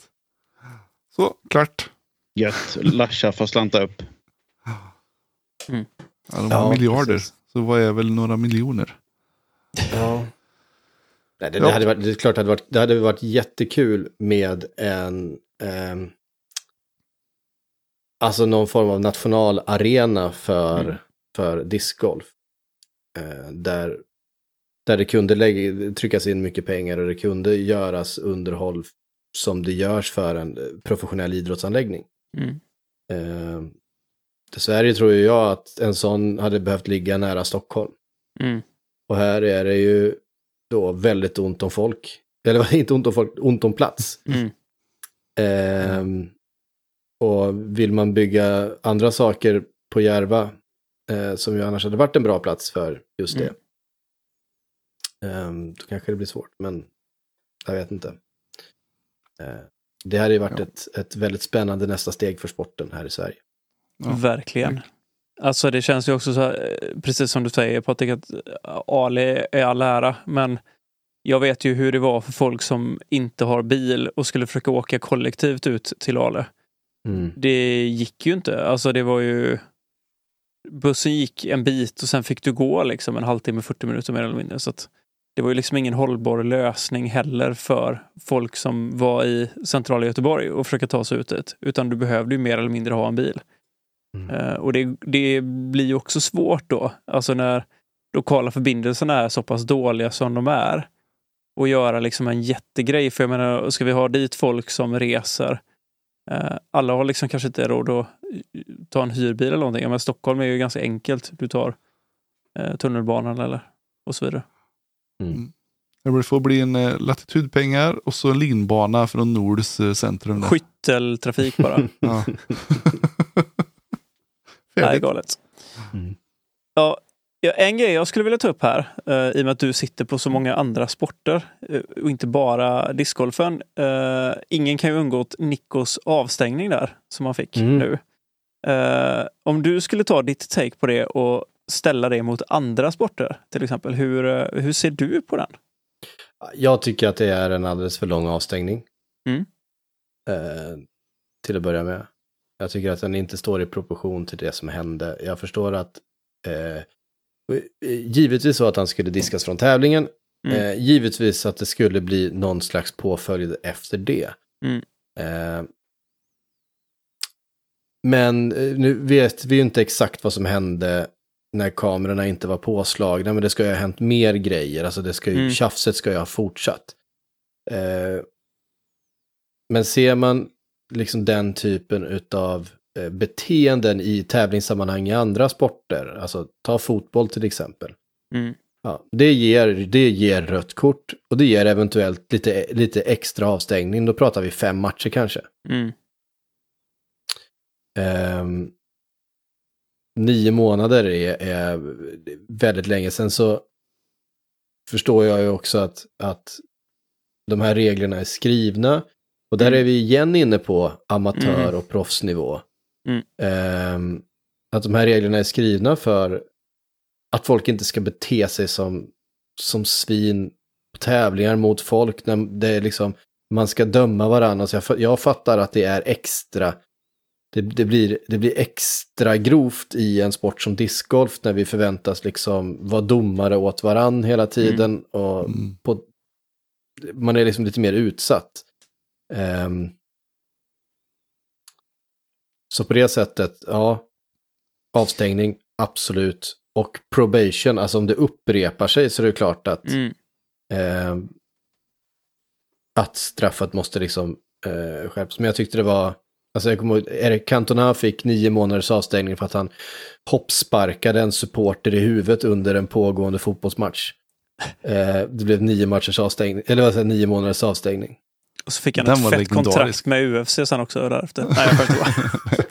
Och det, han spelade, det här var liksom Premier League för Manchester United. Mm. Ehm, så att, jag menar, det, Men det är man, ju måste, också- man måste, det måste finnas grader. Alltså, Mm. om det här ska vara det, liksom, det som de då kallar för grade A, Mm. så är det likställt med att eh, liksom misshandla någon eller sexuellt trakassera någon eller att eh, fara med eh, typ ja, kalla någon för, vad, vad, alltså vräka ur sig rasistiska eller Mm. eh, eh, olika vidrigheter. Eh, och det tycker inte jag att det kan göra. Jag tycker att det måste finnas grader däremellan. Mm. Eh, sen... ehm, Alltså det är många som drar paralleller mot uh, Bradley Williams som fick 18 månader för att han fotade omkull en korg. Så ja, att- han ska väl också ha um, Axel tacklat eh, Matt Dollar va? ja eh, just det. det kan, ja, precis. Mm. Han ska först ha sparkat omkull en korg, fått en, eh, en varning eh, och sen efter att ha missat ett kast så var, de hade väl tjafsat lite. Det var, Mm. det var någon som berättade om det, det var någon podd jag lyssnade på. Ah, Vem var det som berättade? det? Ja, de hade tjafsat under, han var ju tydligen jävligt otrevlig, Bradley Mhm. Williams, eh, liksom under hela rundan och var Eh, så att Matt Dollar hade tröttnat lite på honom. Så han var uppe och ställde sig på T-paden när han, precis när han hade släppt disken. Eh, och hade misslyckats. Så han var lite så här. Lite grams. Då, då, gav, då gav han honom en axel. Mm. Och så var han avstängd. Och det är också så här. eh, Svinet beteende, det är jävligt fånigt. 18 månader är enormt länge. Ja, det är det faktiskt. Det är sjukt. sinnessjukt länge. Nej, Men det verkar ju ha hjälpt. Kan man säga. ja, han, han verkar ju... Mm. Men man ser hur det kokar lite där under, eller hur? Man vet, man vet att det Ja, finns ja. där någonstans. Lite serial killer in the making liksom. Ja, men det, det, det, det, är väl- det är ju någonting som är lite, lite dimmigt i den blicken, eller? Mm. Lite Ja, silent det- assassin alltså.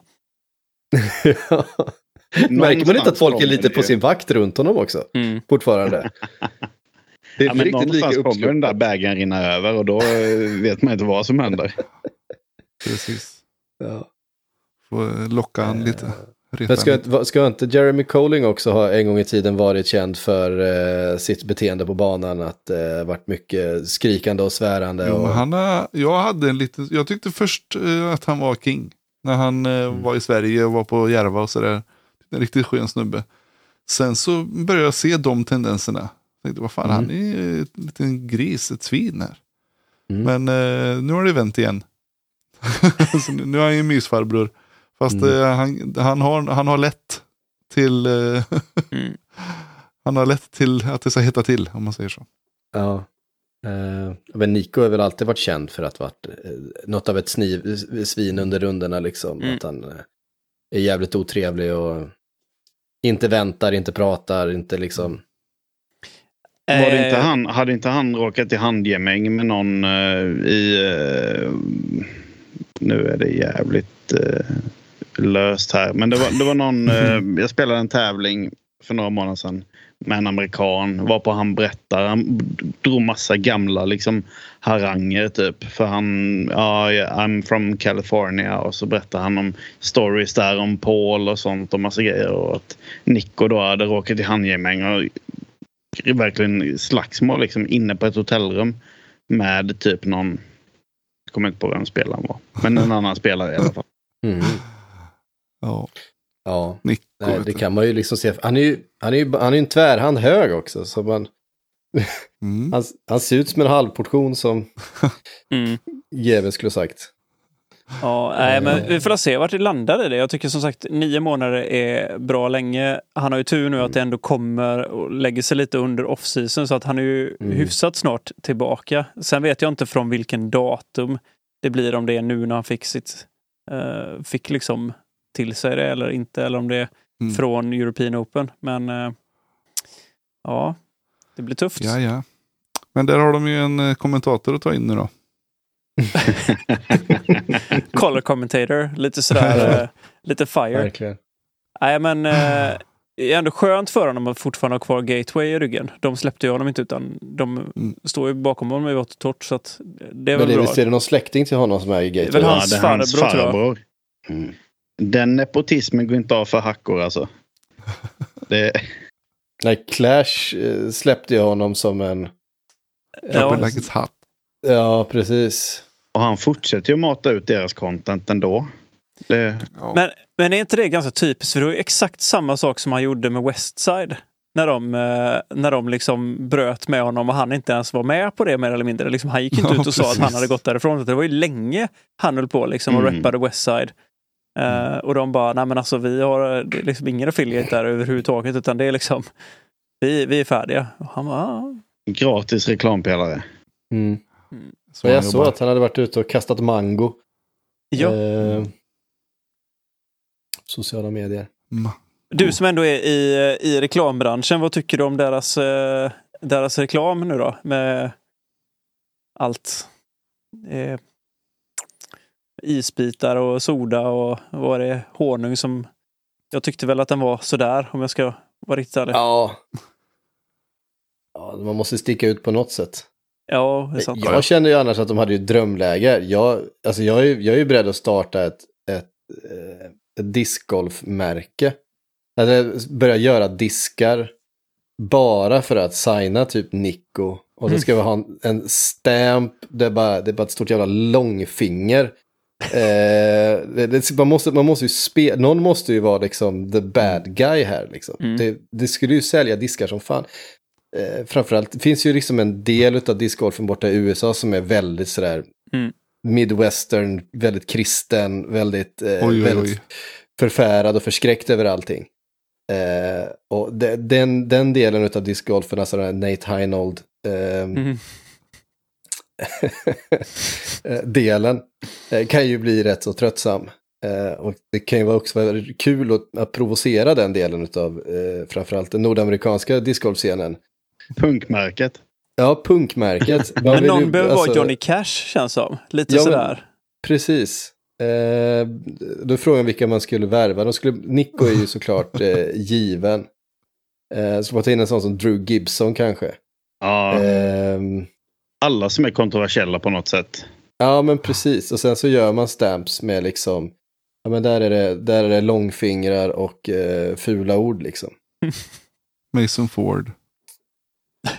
Hallå? ja, nej, men absolut. Det där det säljer ju alltid. Mm. Ja, det hade varit, eh, jag hade, jag hade köpt, köpt direkt. Alltså. Attitude Discs. Där har du det. Attitude 666. Oj, oj, oj. Kan vi göra det uppe i... Så jag tror att du ska prata lite med Viktor. Han är också rätt sugen på denna idén. Ni kanske ska slå era påsar ihop och köra ett gött märke. Vi löser någonting där Patrik. Ja, för fan. Jag, är på. Ja, vad säger du Anders? Ska vi brassa av lite lyssnarfrågor? Vi har ju fått in ett gäng här. Ja, det tycker jag. Uh, vi ska se här. Du, eh, det, där ser jag att det är en som vi redan gått igenom. Du, du, du, du, du, du. Var ska vi börja tycker ni? Du, Jag bränner av en här bara rätt upp och ner. Eh, Nevster. Vilket hardcore-band tycker han ska skriva en discgolf anthem? Obs får ej säga Teddy Bears. Nej, eh, det finns en annan given och det är ju Refused som också har tryckt upp egna diskar. Eh, Dennis Lyxzén är ju, eh, han också trillat, han är en av alla som har trillat dit igen. Får Han lyssna på vårt avsnitt med Dennis. Vad sa du? Du får lyssna på vårt avsnitt med Dennis. Men gjorde jag inte det? Vi, vi lyssnade på ett avsnitt med, med eh, Dennis, men måste ha Ja, eh, med er ju. Ja, ja. Nej, det är jättekul Eh. ju. Han är ju superbiten. Ja, eh, jag spelade faktiskt en runda med, på tal om Ted, med Patrik Arve förra sommaren. Eh, vi hamnade i samma, samma grupp på Skywalker Open. Eh, Just det. på Visättra. Det var jättetrevligt. Eh, men det måste väl bli refused, tänker jag. Helt Känns givet. klart. Ja, nej, men eh, Dennis är ju chef, kan man säga. Ehm, Verkligen, han samlar ju också skivor. oh ja. Som, eh, det, det, är lite, det är lite angränsande kan man känna. Vi fick oss en liten inblick i hans vinylsamling kan man säga när vi hade honom. Eh, Mm. Den är omfattande. Ja, den var, den, var, den var massiv. Kan man säga. Du, eh, en av våra första gäster, eh, eller en av våra ja, ganska tidiga gäster, Henrik Nordberg, som även var en del av DGTV då. Eh, Han ställer frågan, du som kommer från en väletablerad stormedia. Vad krävs för att discgolfen ska ta nästa steg gällande exponering medialt och, och erkännande som sport? Eh, jag ska bara säga, han, än så länge känns det som ett väldigt mycket gräsrotsnivå i medielandskapet runt discgolf. Även om antalet utövare och banor växer exp- explosionsartat. Ja, alltså det, det, det kommer ju alltid ner till, eh, till publiken, till läsarna och lyssnarna och tittarna liksom. Ehm, för svensk del, en sån katapult hade ju varit, eh, säg ett VM-guld av Linus. Mm. Ehm, många känner till sporten, många känner någon som kastar, må, många har sett en disk eller sett en korg eller sådär. Eh, som kanske inte spelar men de vet vad det är för någonting. Plötsligt så har vi så, svenskt VM-guld, kolla vi har liksom, vi har kasten här, vi visar på, eh, ja men Aftonbladet lägger upp på sin, eh, på sin story och nästa gång det blir någonting, Ja men där har det varit någon, då, då ser ju vi liksom, oj där var det massa som tittade. Vi la ju upp till exempel Konrads eh, eh, kast från VM förra året. Blev ett klipp på Aftonbladet. Vi märkte, det var, fan, det var jättemånga som tittade och tyckte det var häftigt. Dela sociala medier och sådana saker. Men för ett litet land som Sverige, vi, det, det vi går igång på, den svenska publiken, alltså den stora publiken går igång på, det är svenska framgångar. Ehm, Ehm, och framförallt svenska framgångar i någonting där Sverige inte är. Liksom. Eh, det, det är en sak att ha en svensk framgång i innebandy. Liksom. Eh, men det är en annan att ha det i en sport som kanske inte, eh, som är större än någon annanstans. Mm. Eh, det var ju väldigt mycket så, MMA-boomen som kom där i början på 10-talet var ju väldigt förknippad med Alexander Gustafsson och Mm. hans, eh, hans succé. Det blev liksom hela motorn för, för det. Mm. Kan man säga. Jädrar vilka matcher ändå. Emot Johnny Bones. Ja, fy fasen. Alltså den första matchen där var ju så jävla häftig alltså. Mm. Ja, det stod i, i rummet bredvid mig i min hemmaby och satt jag och min polare och tittade live och vi stod och skrek, du vet. det. Åh, Ja, ja. ja, den var jobbig. Den var tung. verkligen. Jag Yes. stod med hundra pers på en sportbar i norr om Stockholm.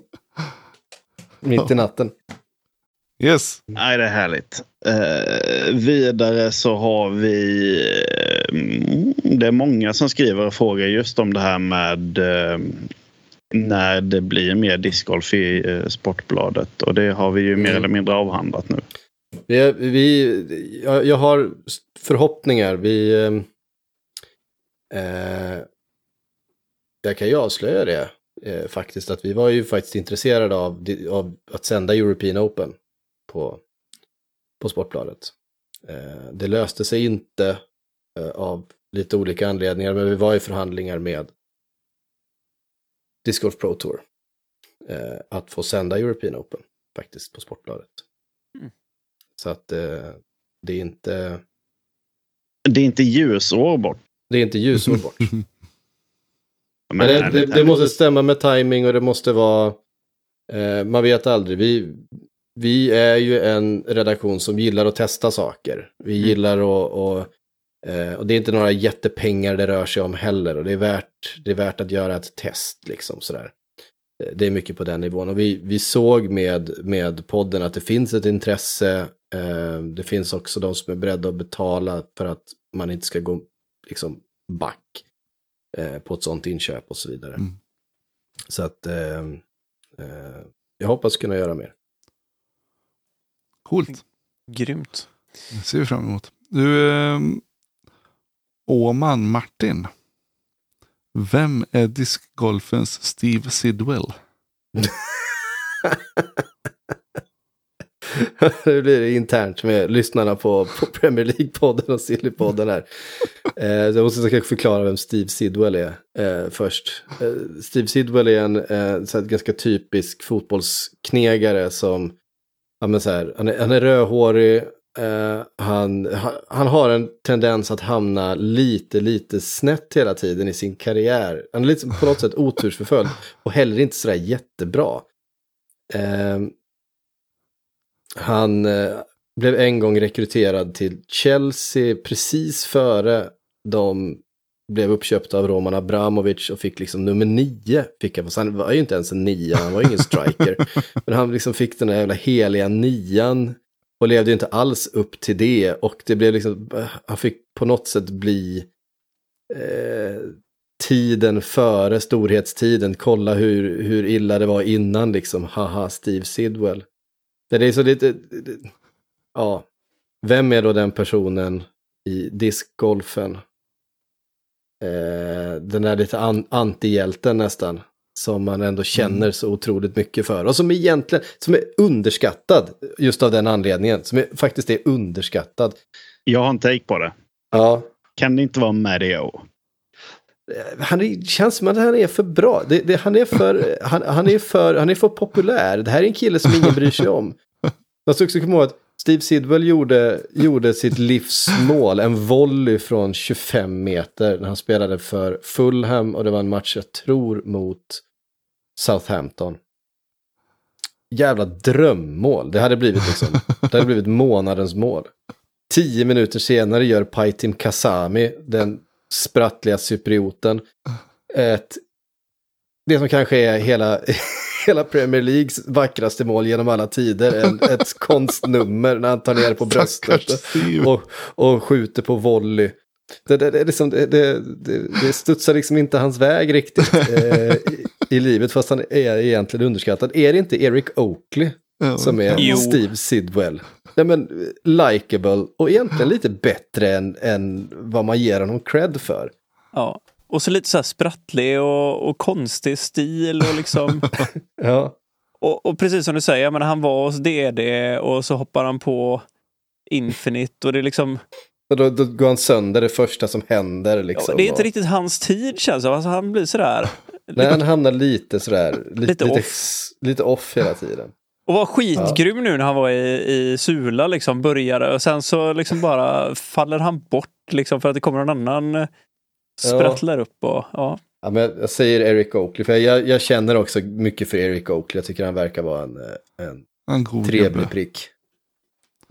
Kasta berg ja. Just det. Gött. Yes. Du, Patrik T Nilsson, hur stor eller liten påverkan har, eh, har det på en sport, på en idrotts utveckling att det startar en podd? Vad säger din erfarenhet? Jag tror inte att podden i sig har någon så jättestor påverkan. Det är väl snarare ett, ehm, eh, ett resultat av att det har dykt upp en, en community runt någonting. Eh, det kan väl bidra till att hålla den communityn sammansvetsad. Jag tror inte att podden i sig är någonting som driver intresse på det sättet. Däremot så kan det förhindra körn, som vi säger. i- som man säger i sällskap, det förhindrar folk kanske från att lämna, för man sugs in i ett sammanhang och där finns det någonting att upptäcka. Mm. Ehm, och då stannar man kanske kvar Mm. Eh, i högre utsättning. Ehm, det, det tror jag. Eh, ja, men det, det är jag helt säker på. Sen ska det ju vara en väl, jag vet inte vilket, om det finns något exempel på det där, för det kräver ju nästan i så fall att podden blir liksom större än sporten. Mm. Eller? Eh, om, det ska vara, om podden ska driva liksom en utveckling eller eh, en, en tillväxt på något sätt. Eh, jag vet inte om det finns något sånt exempel. Man, skulle, ku- man skulle och för sig kunna säga att Joe Rogan har nog bidragit till MMAns eh, liksom, tillväxt ändå. Det skulle jag nog påstå.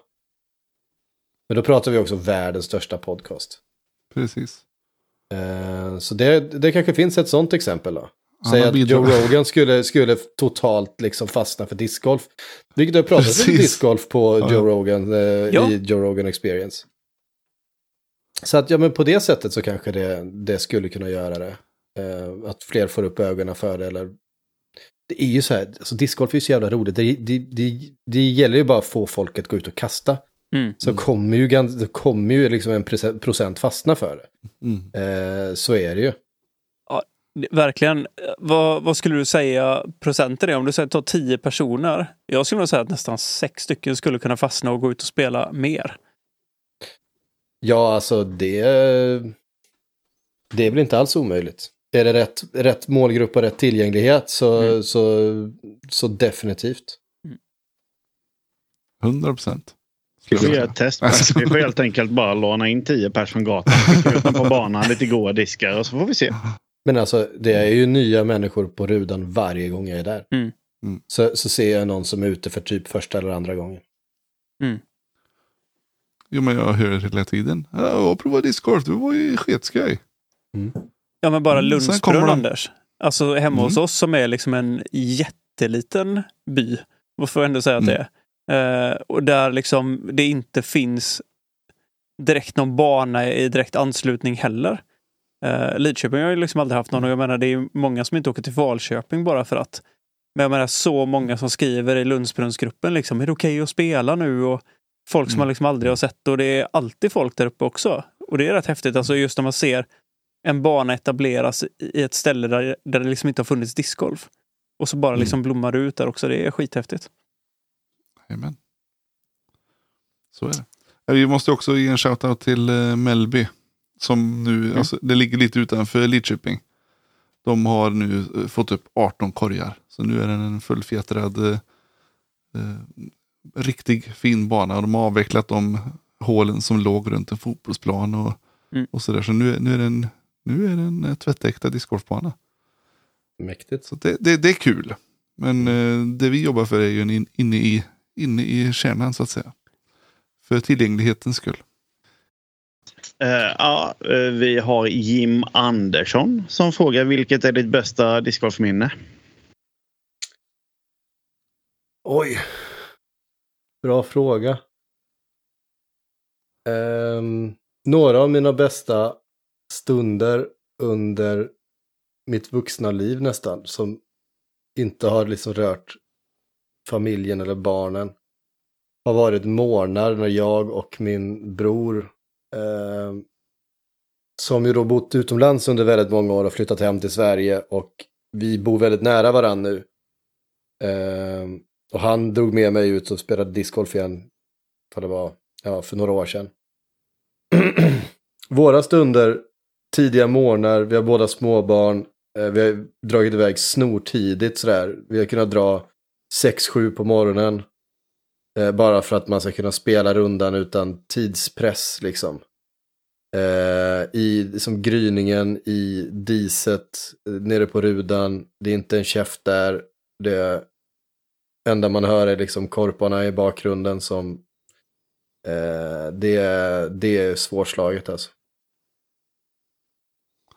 Mm. Ja. Annars är det rollern förra veckan. Snyggt. Ja, det är, det är inte underskattat med en roller. Nej, Oh nej. Du, eh, Samuel Kax. Han frågar, när får vi höra en sillypodd för discgolf i Aftonbladets regi? Ja, vi gjorde det lite grann. Eh, när vi gjorde några avsnitt här i vintras eh, inför den här säsongen då. Mm. Jag och Mattias, varav vi bland annat pratade mycket om eh, ja, Ricky till D&D och lite Mm. rykten och alla som hade flyttat från Prodigy och varför ingen skriver på för Innova och sådär. Eh, det var ganska kul. Men Mm. det...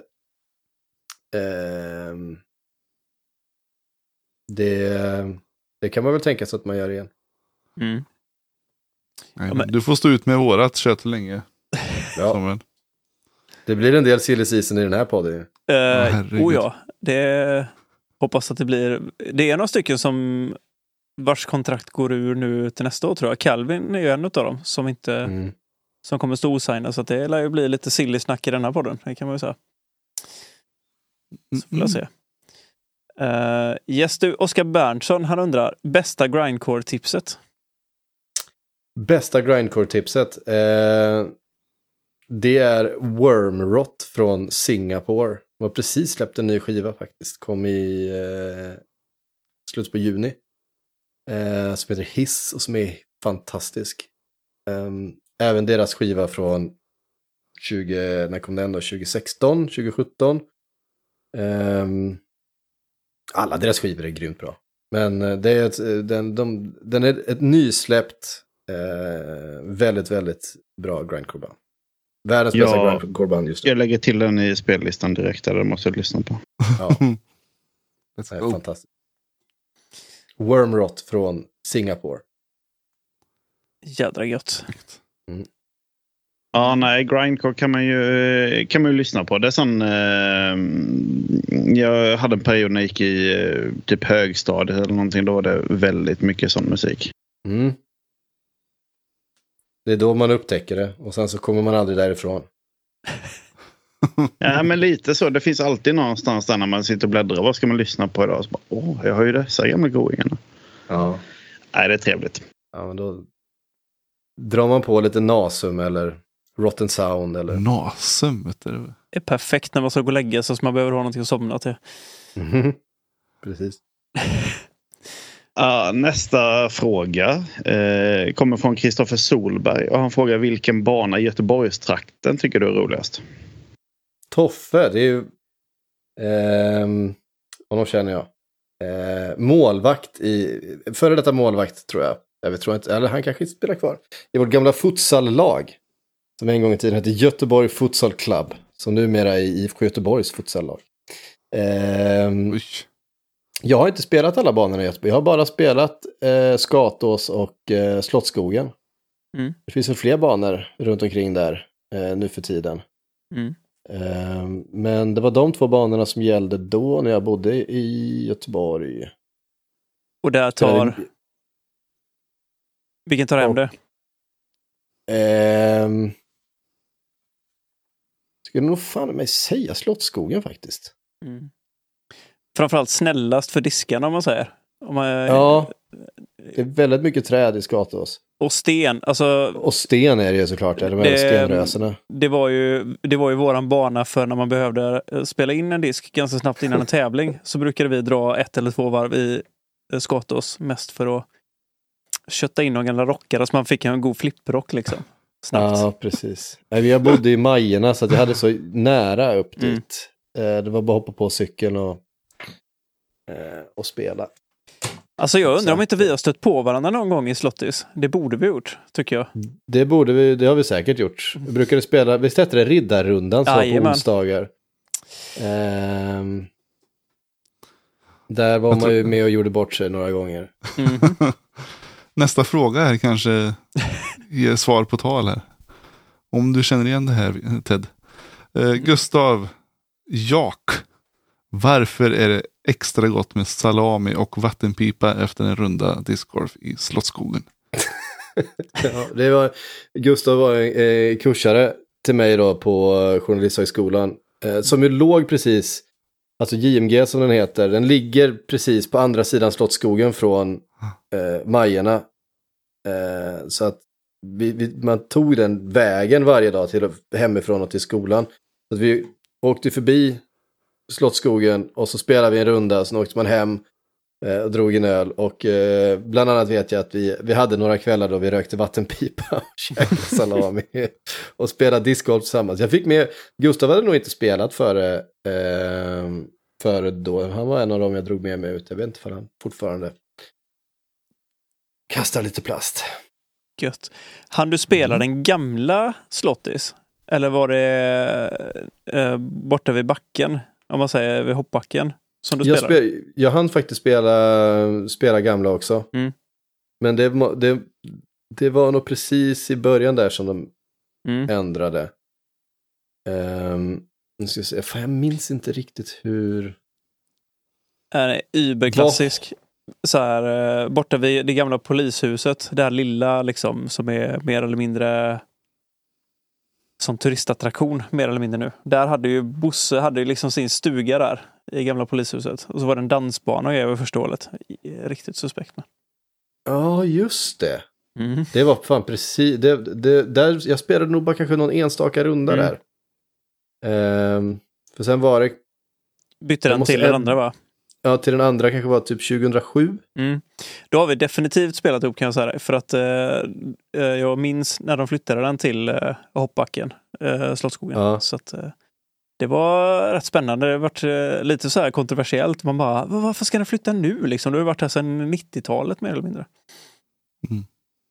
Precis. Jag hade, jag hade faktiskt glömt att, det, att, ba- att banan inte var där från början. Jag hade helt glömt det. Mm. Men nu när du sa det så kommer jag Ja, ihåg. Men det var nog bara någon enstaka gång jag spelade. Mm. Sen gjorde de ju om den några gånger också. Mhm. Vill jag minnas under. Alltså den var ju ny då så att den var Ja, ju precis. under konstruktion under de första åren här. Vad bra riddarna var då, för, för då kunde man ju ändå spela den. Sen var det ju för några år sedan tror jag som de faktiskt eh, inte kunde vara det längre. För, eh, strax innan pandemin tror jag, för det var så sjukt mycket folk på riddarrundan. Ja, Så att de fick eh, sluta med det. Men nu verkar det som att de har gått igång för de eh, Slottsskogen hade en egen klubb som blev en del utav eh, klubben Magpie i Skatås. De slogs Mm. ihop liksom. Men nu verkar det som att eh, Göteborgs typ frisbee någonting är där igen okej. i Slottis. Så att, ja, det verkar som att Riddarrundan i alla fall är tillbaka i viss del. Ja, grymt kul alltså, man träffade mycket folk. Det var nog det bästa. Ja. ja, det var väldigt roligt. Ehm, ja, det var det. Vi, vi, vi, eh, för då spelade jag väldigt mycket. Eh, och sam, så, på samma sätt så då flyttade jag upp till Stockholm och då spelade jag väldigt mycket eh, precis före vi flyttade till Stockholm. Mm. Samtidigt flyttade också, min bror igen då, flyttade till Stockholm ungefär samtidigt och han bott i London i flera år. Spelade vi en runda på Kärsön, precis när vi hade flyttat upp båda två. Och det gick så jävla dåligt. Och eh, jag tyckte den var så värdelös den banan. Eh, vi hittade inte och det fanns inget judisk och det fanns liksom inget... Eh, eh, vi visste inte vart man skulle och det gick så jävla dåligt och allting var piss. Eh, så sen spelade vi inte mer. Sen, var det liksom, sen kom liksom livet i vägen och man fick barn och det var ny stad och man visste inte vart man skulle och man hade ingen, kände ingen som spelade.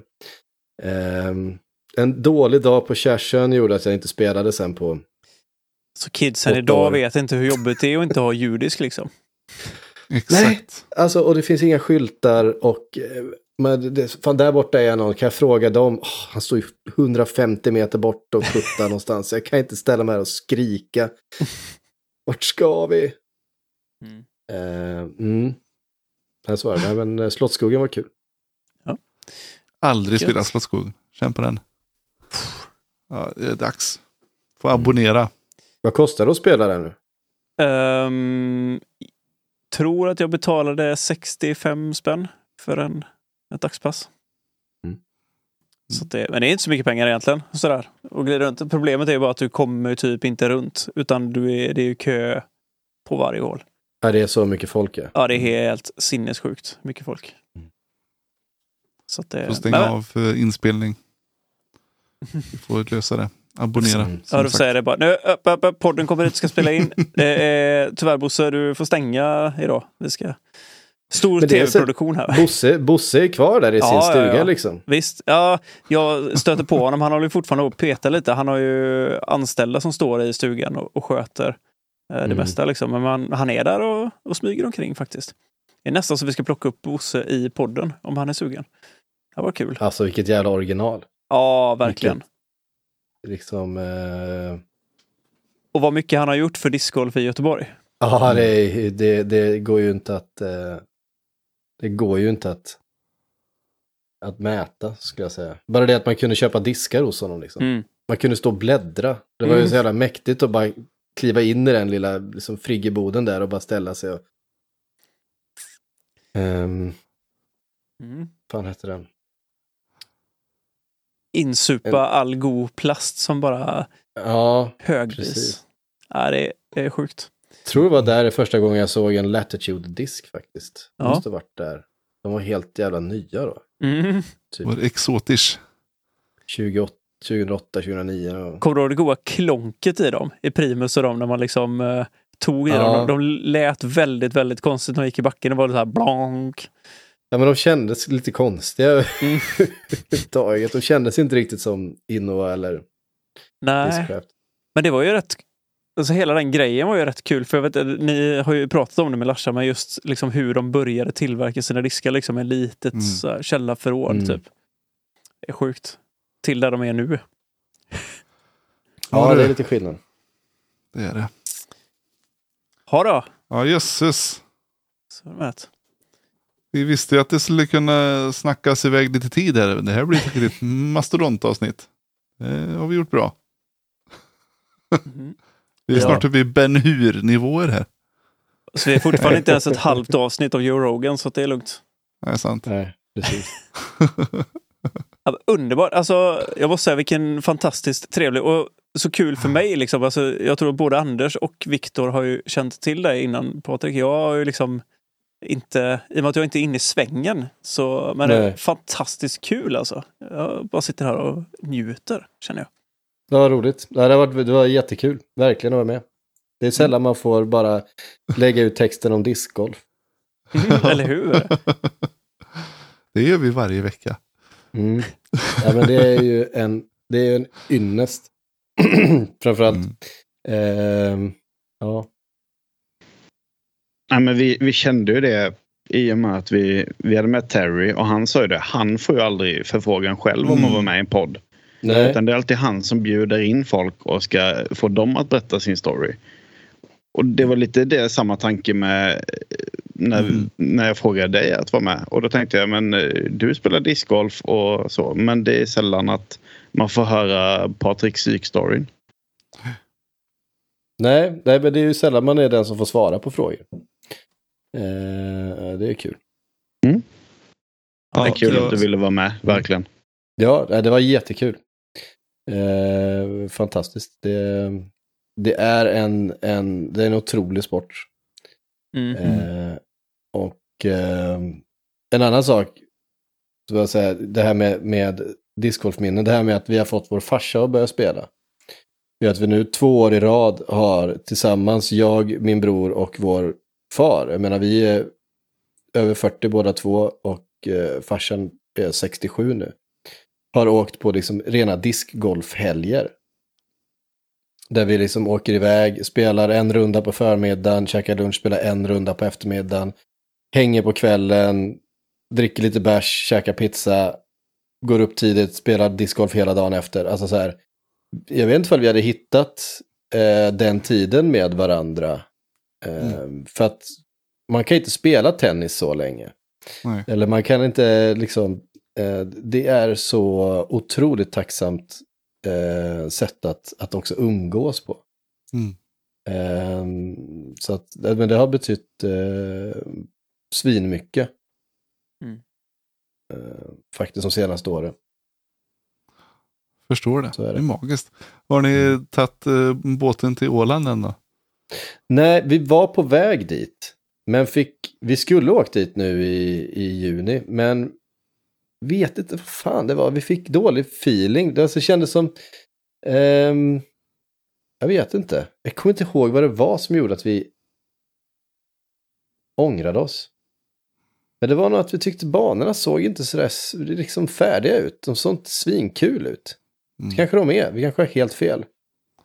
Eh, Men det fanns också, vi var, vi var också sugna på um, att testa, eh, vad heter den, Lundby. Mm. Ja. Och ehm, så att vi spelade två runder Lundby ena dagen. Och sen var vi borta i Eskilstuna och Örebro Ja, ja. spelade. Så vi tog en rundtur runt Mälaren. Ja, ni har, ju, ni har ju tillgång till mycket inom en någorlunda räckvidd. Ja, absolut. Eh, och det finns ju, finns ju massor. Men vi har tänkt att vi nästa, nästa vår ska dra till Åland. Han är spelare, vad Eh. heter den, Tallbacken som finns där i Örebro? Eller strax utanför, va? Är det inte det? Nej, vi spelade Hästhagen hette den va? Mm. Mm. Eh, om du lyssnar på det här och hittade en ballista eh, i Eskilstuna som det står mitt namn på så får du hemskt gärna höra av dig för den var väldigt, väldigt eh, vä- väl inspelad. den, den, den fattas mig. Mm. Eh, vad heter den i Eskilstuna då? Den med slalomhålet. Virsta. Ja, just det. Med jättebacken på slutet. Ja, precis. Avstängd halva året. Mer eller mindre. Är den det?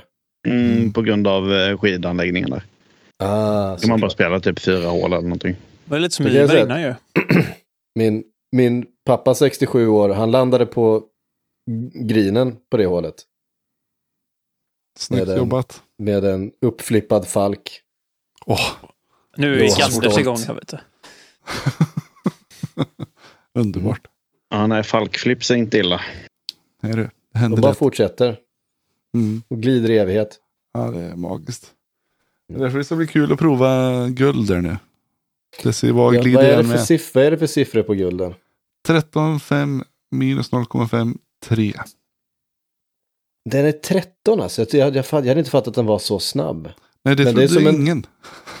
Jag, jag, jag trodde den var typ en 10 eller något. Alltså mer som en, nästan en fairway. Den är ju... Ehm, hur är den då jämfört med grym? I stab- den måste vara mer stabil än en grym då? Denna ska väl vara lite destroyer-like typ. Ja. Ehm, Nu har jag inte kastat den. nej, men jag har Det hört var, lite initial reviews. Att den är så var trevlig. Så det. Mm. Spännande. Var ut och prova. Mm. Gött. Men ska vi Jag har göra till och med så? fått en vit. Oj, oj, oj. Mm. Vad vackert. Men ska vi göra så då att vi, att vi rundar av detta så folk eh, känner att de mäktar med. Även om jag önskar att jag eh, inte gör det. För det har varit helt grymt kul. Men eh, det känns som att klockan börjar bli sent. Alla ska väl upp och försöka jobba imorgon i alla fall. Så är det. Så är det. Mer eller mindre. Det går ju att pausa. Det är bara att pausa och fortsätta lyssna när du kan. Ja. Du har ju tagit igenom hit nu. Så att Precis. Har, du vägen lyckats, dit bryr vi oss inte om. har ni hängt så här långt så känner vi jädra gött krigare. Ja, Nej. det, det, det, är här, det är här man ska lägga in de där bästa påskäggen för. Exakt, är man här borta precis. så är, då är man ett jävla superfan alltså. Då förtjänar man en. Precis, då kommer det en rabattkod här på 99,9 procent av på, Ja, exakt. på myrorna. Nej, jag skämtar. Yes. Ja, men gött då, eh, Anders, min kära vän. Och eh, som sagt, eh, ja, nu kör vi ett, ett litet utro då. Ja, det gör vi. Du Patrik, vi brukar tacka lite folk. Och det är bland annat Ja. Björn Wennerborg som har eh, gjort originalmusiken. Som sen Viktor har remixat. Ja, grymt. Tack Björn. Mm. Mm, tack Björn. Och vi tackar även Oskar Gäster som har gjort grafiken. Den fina. Eh, som vi snart borde få ut på lite merch tycker vi. Vi har Mm. kollat på både kommer. kepsar och lite patchar. Och, Det Ja. tycker jag. Tack Oskar. Det är mysigt. Vi tackar också Patreons. Och vi tackar Diskexpress. De har vi ett samarbete med.